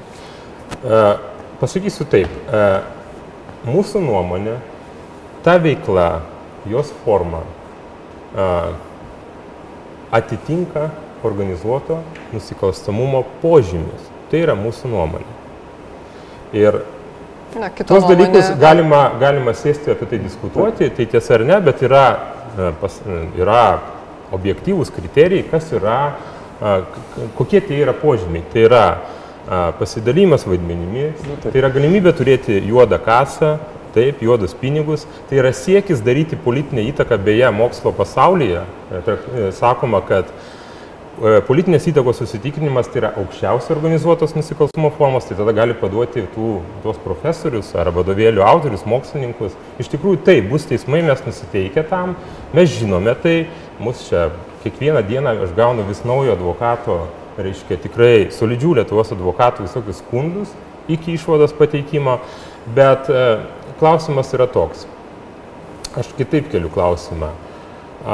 Kiek mes dar galim patirti žalos kaip šalis bijodami? Bijodami pasakyti tai, kas yra Tai kas yra, tai kas vyksta. Aš apie jausmą dar noriu paklausti, nes kolegė jūsų komisijoje pasakė tokią metaforą, faktiškai mes, kai prakasėm tunelį ir pamatėm, o iš tiesų gal čia yra e, visur taip viskas, gal iš čia mm, tik tai kažkokį šaukšto galą radot? Ne, nu, Sakėt, tik tai vieną kryptį tyrėt energetiką, o kaip yra ten su keliais Lietuvos, tiltais, visokiais kitais dalykais. Iš tikrųjų mes netyrėme e, tų atvejų, dėl ko vyksta teisminis nagrinėjimas. Aš manau, artimiausiu metu mes visai nelindome į tą sritį, mes netgi, aš kalbėjausi ir su generaliniu prokuratūru nuo pat pradžių, kad užsibriežti raudonas linijas. Iki teisminius, į teisminius nagrinėjimus, iki teisminius tyrimus. Mes nelendam, jų tikrai yra ne vienas, bet dar noriu pasakyti, kad šiaip mūsų valstybė laimi, mes esame sėkmingiausia uh, E, valstybė, viena sėkmingiausių Baltijos regione ir apskritai toje posovietinėje e, erdvėje, bet mes vis dar turime, e, turime tokių problemų, kurios trukdo eiti dar sparčiau, kurios, kurios nuvilia žmonės, kurios tikrai tokioj, pavyzdžiui, sistemoje, kurie dominuoja tokios kultūros įmonės, tu nepadarysi jokio verslo. Joks smulkus, stambus, vidutinis verslas negali konkuruoti, nes konkurencijos principai čia yra visai kiti, būna iš anksto sutarta. Ar galite įvardinti idealų scenarių jūsų supratimu, kaip toliau šitam procese įvykiai klostosi artimiausius trejus mėnesius, pusę metų? Artimiausias uždavinys dabar yra, aišku, padėkoti, parašyti laiškus visiems, kurie dirbo pareigūnams visų pirma, valstybės tarnautojams, kolegoms. A, toliau kitą savaitę laukia iššūkis irgi nemažas, tai yra pristatyti išvadas a, Seime, nes čia patvirtino tik komitetas, pabrėžiu, e, kalba apie selektyvumą, neteisėtumą, jos patvirtintos absoliučia balsų dauguma, jokių buldozerių. Susilaikė tik vienas parlamentaras. Ir tai, kada mes tvirtome atskirai balsavome dėl pasiūlymų, E, buvo pritarta absoliučia balsų dauguma. Ir be abejo darbas atiduoti duoklę žiniasklaidai, nes iš tiesų e, e, tema labai aktuali ir, ir teks pristatyti tyrimo rezultatus, tai pasistengsime, kad visuomenė kuo labiau apie juos sužinotų ir kad kartu su žmonėmis, nes tik visuomenės parama turėdami mes galim padaryti pokyčius. Jeigu ne žmonės, aš manau, bastys iki šiol sėdėtų Seime.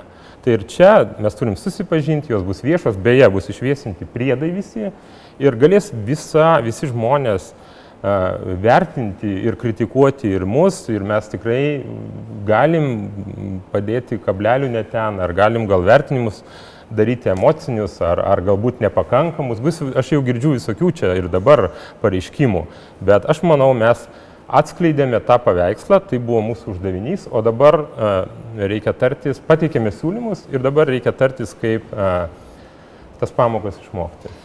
Tomas Kapočius klausė, ar tikrai įmonių sulaikimas nuo viešųjų pirkimų bus veiksmingas ir kas sustabdys juos, na turbūt tuos verslo blogus veikėjus nuo naujų įmonių kūrimo ir nusikalstamos veiklos tesimo? Tikrai, netikrai įmonių, bet aš labai nuobodžiai vardinčiau pasiūlymus, bet e, e, vis dėlto mes manome, beje, labai tamprai dirbome su, pabrėžiu, visom institucijom, tos išvados buvo formuluotos e, e, apie tris savaitės pats procesas. Mes manome, kad vis dėlto ekonominės taikinys yra ekonominis pagrindas tų žmonių, kurie vykdo neteisėtą veiklą. Jeigu mes sugebėsime priversti atlyginti žalą valstybei, antras pasiūlymas yra labai svarbu, tai yra civilinis turto konfiskavimas, kur, su kuriuo ėjo Tony Blairas į rinkimus Junktiniai karalystiai. Tai yra, kada e, e, žmogus, e, kuris įgyja didelės vertės turtą ir nesugeba jo įrodyti, tiesiog valstybė turi teisę jį konfiskuoti. Tai yra civilizuota priemonė, ji labai suveikia Junktiniai karalystiai, tai yra viena skaidriausių pagal Transparency indeksą valstybių. Ir mes manome, kad tai padarys, padarys, padarys, pavyks padaryti Lietuvoje, kad tiesiog svarbu nusiųsti žinę visiems e, tiems galios centrams, kurie vis dar galvoja, kad galima bus daryti taip verslą. Kad net ir po dešimt metų visas tas veikla gali atsisukti prieš juos pačius. Ir žinutė visiems kitiems, kad geriau, labiau apsimoka ir tikrai daryti verslą skaidriai. Na, kažkada prezidentė yra sakiusi, man atrodo, pirmoje kadencijoje, kad reikia padaryti taip, kad visi suprastų, jog vokti neapsimoka. Mums vienas žiūrovas rašo, Laisvės TV matosi, kaip Gabrieliuką myli, nori, nenori, bet simpatijos irgi išlenda jų, nebūtinai jų nupirkti, bet labai šališkai savo simpatijom liūdai tu myli, Gabrielių. E, Niekiek aš myliu kitokius. Aš e, irgi. Kitos Beje, noriu padėkoti Gabrieliui, noriu pasakyti, kad tikrai e, mes labai solidžiai nepaisant e, skaudžių formuluočių, visom partijom jos yra skaudžios, jeigu paskaitysi, ten apie selekciją kalbėti sunku, tikrai mes sutarėme, kad dirbsime e, vardan viešų, viešųjų valstybės interesų, nepolitikuosime. Ir e, šiandienos balsavimas parodė, kad tiek opozicija, tiek pozicija dirbo labai konstruktyviai ir priėmė bendrus sutarimų sprendimus. Ir tai leidžia tikėtis, kad mes ir Seime galėsim tuos sunkius sprendimus priimti na, bendrų sutarimų ir tai vienyti visuomenę, o net neskaldyti. Tai iš tiesų būtų nuostabu, Tai nes tai, ką jūs padarėte, jūs dabar pakabinote daugybę taikinių, bet jeigu ne vienas iš jų nekris, o e, niekas nenukentės, niekas nesumokės baudų, niekam nebus apkalta ir taip toliau, tai tiesiog bus eilinis politinis šau, e, siunčiantis signalą rinkėjams, kad Niekas niekada už nieką neatsako. Jo, aš tai nekalbėčiau apie taikinius, jokių mes taikinių nekabinom. Ir jeigu mes pradėsim šaudyti tuos taikinius, va čia bus politinis šovų. Dabar tiesiog tų mes parodėme e, tą šešėlinį, manau, politikos procesą, jį susisteminome ir dabar reikia pasirinkti vieną taikinį visiems Ką kartu. sakėt, nėra taikinių. Ja, reikia pasirinkti vieną taikinį, tai yra valstybės pažanga, tai yra susitarimą, e, ką ir šiandien pasiūlė e, komitetas, tai yra ir partijų susitarimą, tam, kad priimti sprendimus, kuriuos atidėliojam, nes aš pabrėžiu, praėjusiais metais net atsakomybės nebuvo adekvačios baudžiamosios, pavyzdžiui, už korupcinius nusikaltimus. Mums tą pasakė ir e, BPO, kad šalyje vyksta nebaudžiamumas. Mes jau tuos pokyčius darom, jau padarėme. Tai o čia kalbėti apie kažkokius e, saikinius aš ne, nenorėčiau. Darius Valys e, užduoda klausimą, nuolat kalba apie žalos atlyginimą koncernams, čia matyt, at ponas Bakas turimas galvoje. Ir klausia, o kada bus žalos atlyginimas iš politikų. Na, likimo ironija, kad Lietuva yra turėjusi prokurorą vardu ir pavardę Darius Valys, nežinau, ar čia tas pats žmogus, bet e, ar kalbate ir ar galvojate apie žalos atlyginimą, jeigu jis būtų įmanomas iš politikų? Geras klausimas. Neblogas. Jo, aš dabar bandau iš tikrųjų. Politikai, kurie savo nusikalstamais veiksmais padarė žalą, turi, ko gero, labai rimtų prielaidų už tai atsakyti. Aš tikiuosi, kad, kad a, a, tie nagrinėjimai teisme, kurie vyksta politinės korupcijos bylų, rodo, kad niekas negali būti saugus e, niekas negali išvengti atsakomybės ir tikrai galime turėti pirmosius precedentus. Taip, e, ponui Paskichui jo paties sukurta teisinė aplinka leido išvengti baudžiamosios atsakomybės, nes įstatymų nebuvo, už kuriuos jį galima nuteisti, jis už buhalteriją nuteistas. Bet šiandien yra visi teisės aktai tam, kad mes galėtume įvertinti ir politikų atsakomybę. Aš irgi labai to noriu. Matvėjai Suldekov, atsiprašau, jeigu ką nors skaitau be diakritinių ženklų, kurių nematau, sako, ponia Vytautai, tyrime tik MG Baltic ir VP grupė, o kur Achemos koncernas? E, gal galėtų patikslinti klausimą. Iš tikrųjų. Negaliu, nes jis yra lygiai toks, ponas. Jis epizodiškai minimas tiek. Jo, jisai minimas. Išvadoje aš siūlyčiau paskaityti, bet iš tiesų e, e, pasakysiu taip. E, mes esame pasidarę analitinį darbą ir esame įvardyję didžiausią įtaką Lietuvoje turinčius galios centrus. Jie yra, paskaitę išvadas ir tolimesnėse diskusijose mes apie tai kalbėsime, bet iš tikrųjų noriu pasakyti, kad tie koncernai, kurie mano, kad gali daryti neskaidrę, neleistiną, neteisėtą įtaką, nu, šiandien jie, šie savininkai nėra saugus. Tai ar tai būtų e, vienoks ar kitoks koncernas, šiandien, pavyzdžiui, šiandien konkrečiai aš pretenzijų kažkokių tokių ypatingų Achemos koncernui neturiu. Noriu paklausti, kas jūsų požiūriu buvo naudingiausia šiame tyrime, atliekant tyrimą? Kitaip tariant, iš kur jūs gavote daugiausia informacijos? Iš apklausų, iš a, saugumo departamento, iš kažkokių viešai prieinamų duomenų, tačiau atlikę jų analizę ir taip toliau. Kas jums buvo naudingiausia? Na, pasakysiu taip, naudingiausia man uh, atrodo tai, kad mes uh, šiaip tyrėme didesnį nei dešimties metų laikotarpį. Uh, iš tikrųjų, tikrųjų didžiulė nuoširdį padėka mūsų specialiųjų tarnybų pareigūnams, teisės saugos pareigūnams, kurie nepaisant politinių vėjų, nepaisant to, kad jiem nesisekė kartais realizuoti tos informacijos, jie įspėdavo, bet juos niekas nekreipdavo dėmesio, mes tą įrodėme, mes tą matėme. Kartais po tiek metų dirbant ir sunku darbą, žvalgybinį darbą, rizikuojant ir a, nusvyra, gali nusvirti rankos, bet mes turime labai garbingus, labai sąžiningus, padorius žmonės, kurie šiandien mums leidžia atskleisti tą politinį politinį e, procesą, kurį dabar, e, kurio likimas yra politikų rankose ir kurio perspektyva yra politikų rankose.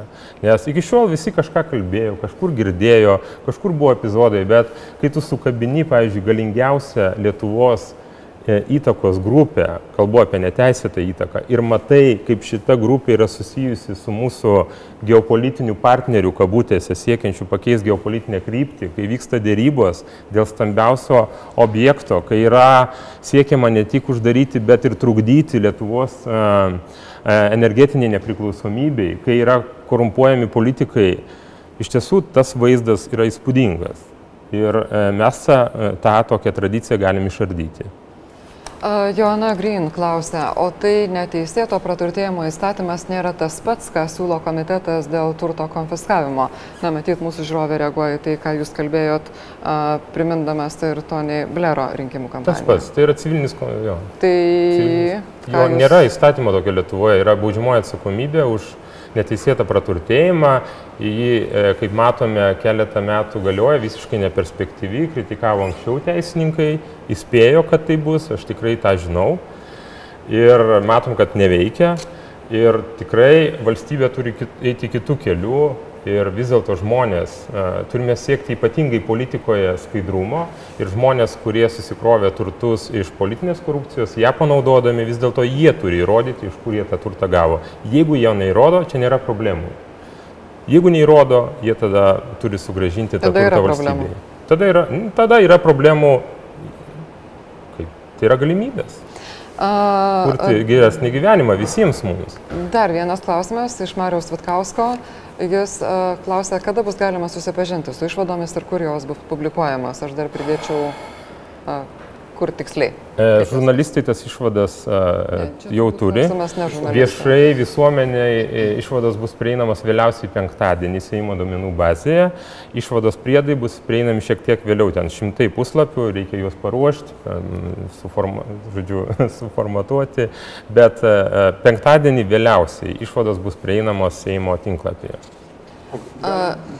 Pas, pasmalsauti, kaip ten tiek daug tų stilių keistų atsirado ten tame e, rašte. E, Tokie, netgi, kad mini, e, sekmokas nieko nepasakė ir nuėjo, arba, pavyzdžiui, toksai beletristinis stilius, kad viena žiniasklaidos priemonė iš, iš vieno fondo gavo 200 tūkstančių eurų viešinimui. Kaip jūs ten atrinkinėjot ir čia turbūt tas, tas bus ir pa- pateikta, reiškia, tokios e, kartais labai konkreti informacija, vos ne minučių tikslumu kažkas sustinka, o kartais tokios kaip ir pasakos vienas kartą gyveno kažkas ir blogai elgėsi. E, Jo, geros pasakos, bet turite suprasti, kad yra atliekami žvalgybiniai tyrimai, mes tikrai ir taip e, daug pateikėme. Ir jūs mums žinot? svarbu, mes žinome, taip. A, Mes žinome ir kokie fondai, kada, kam, už ką e, suteikia paramą, kai kuriais atvejais mes įvardiname. Ir e, beje, kas dar yra svarbu, kad komitetas visgi nusprendė e, siūlyti VSD priimti sprendimą dėl tų 12 garsiųjų pažymų išviešinimo. Ta VSD matyt priims tokį sprendimą ir, kaip minėjau, visų priedų išviešinimo, tai ten informacijos bus daugiau šiek tiek. Bet apie tą patį reikalą turbūt viskas. E, 12 pažymų, jeigu jos bus išviešintos, jūs pamatysite žiniasklaidos priemonę, kuri e, ir jos veikimo stilių, e, jos, e, jo, e, ta prasme, tą vadinamą, na, žiniasklaidos dalyvavimą politinės korupcijos schemose. Kol jie neišviešino, sakyti jūs. e, Aš negaliu.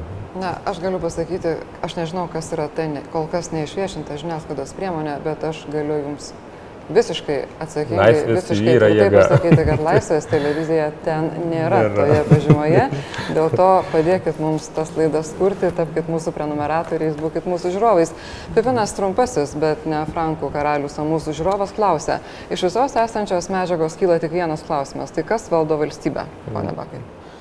Na, labai dramatiškas klausimas. Aš jau minėjau, kad Lietuva sėkminga valstybė, iš esmės valstybę me- valdome mes, bet uh, vis dėlto yra kai kurių epizodų, kurie yra šiek tiek per daug išsikeroję, peržengtos, uh, na, netgi ir, nu, kiekviena valstybė turi korupciją. Nėra valstybės pasaulyje be korupcijos, netgi skaidriausiose pasaulio valstybėse, Skandinavijos, Na, E, Jos yra, bet tiesiog mums svarbu, na, visgi susi, susitarti, e, kad, e, na, mes neturėtume taiksyti su tuo visa visuomenė, kad maža žmonių grupė e, gerai gyvena, gerai gyvena e, visų mūsų sąskaita.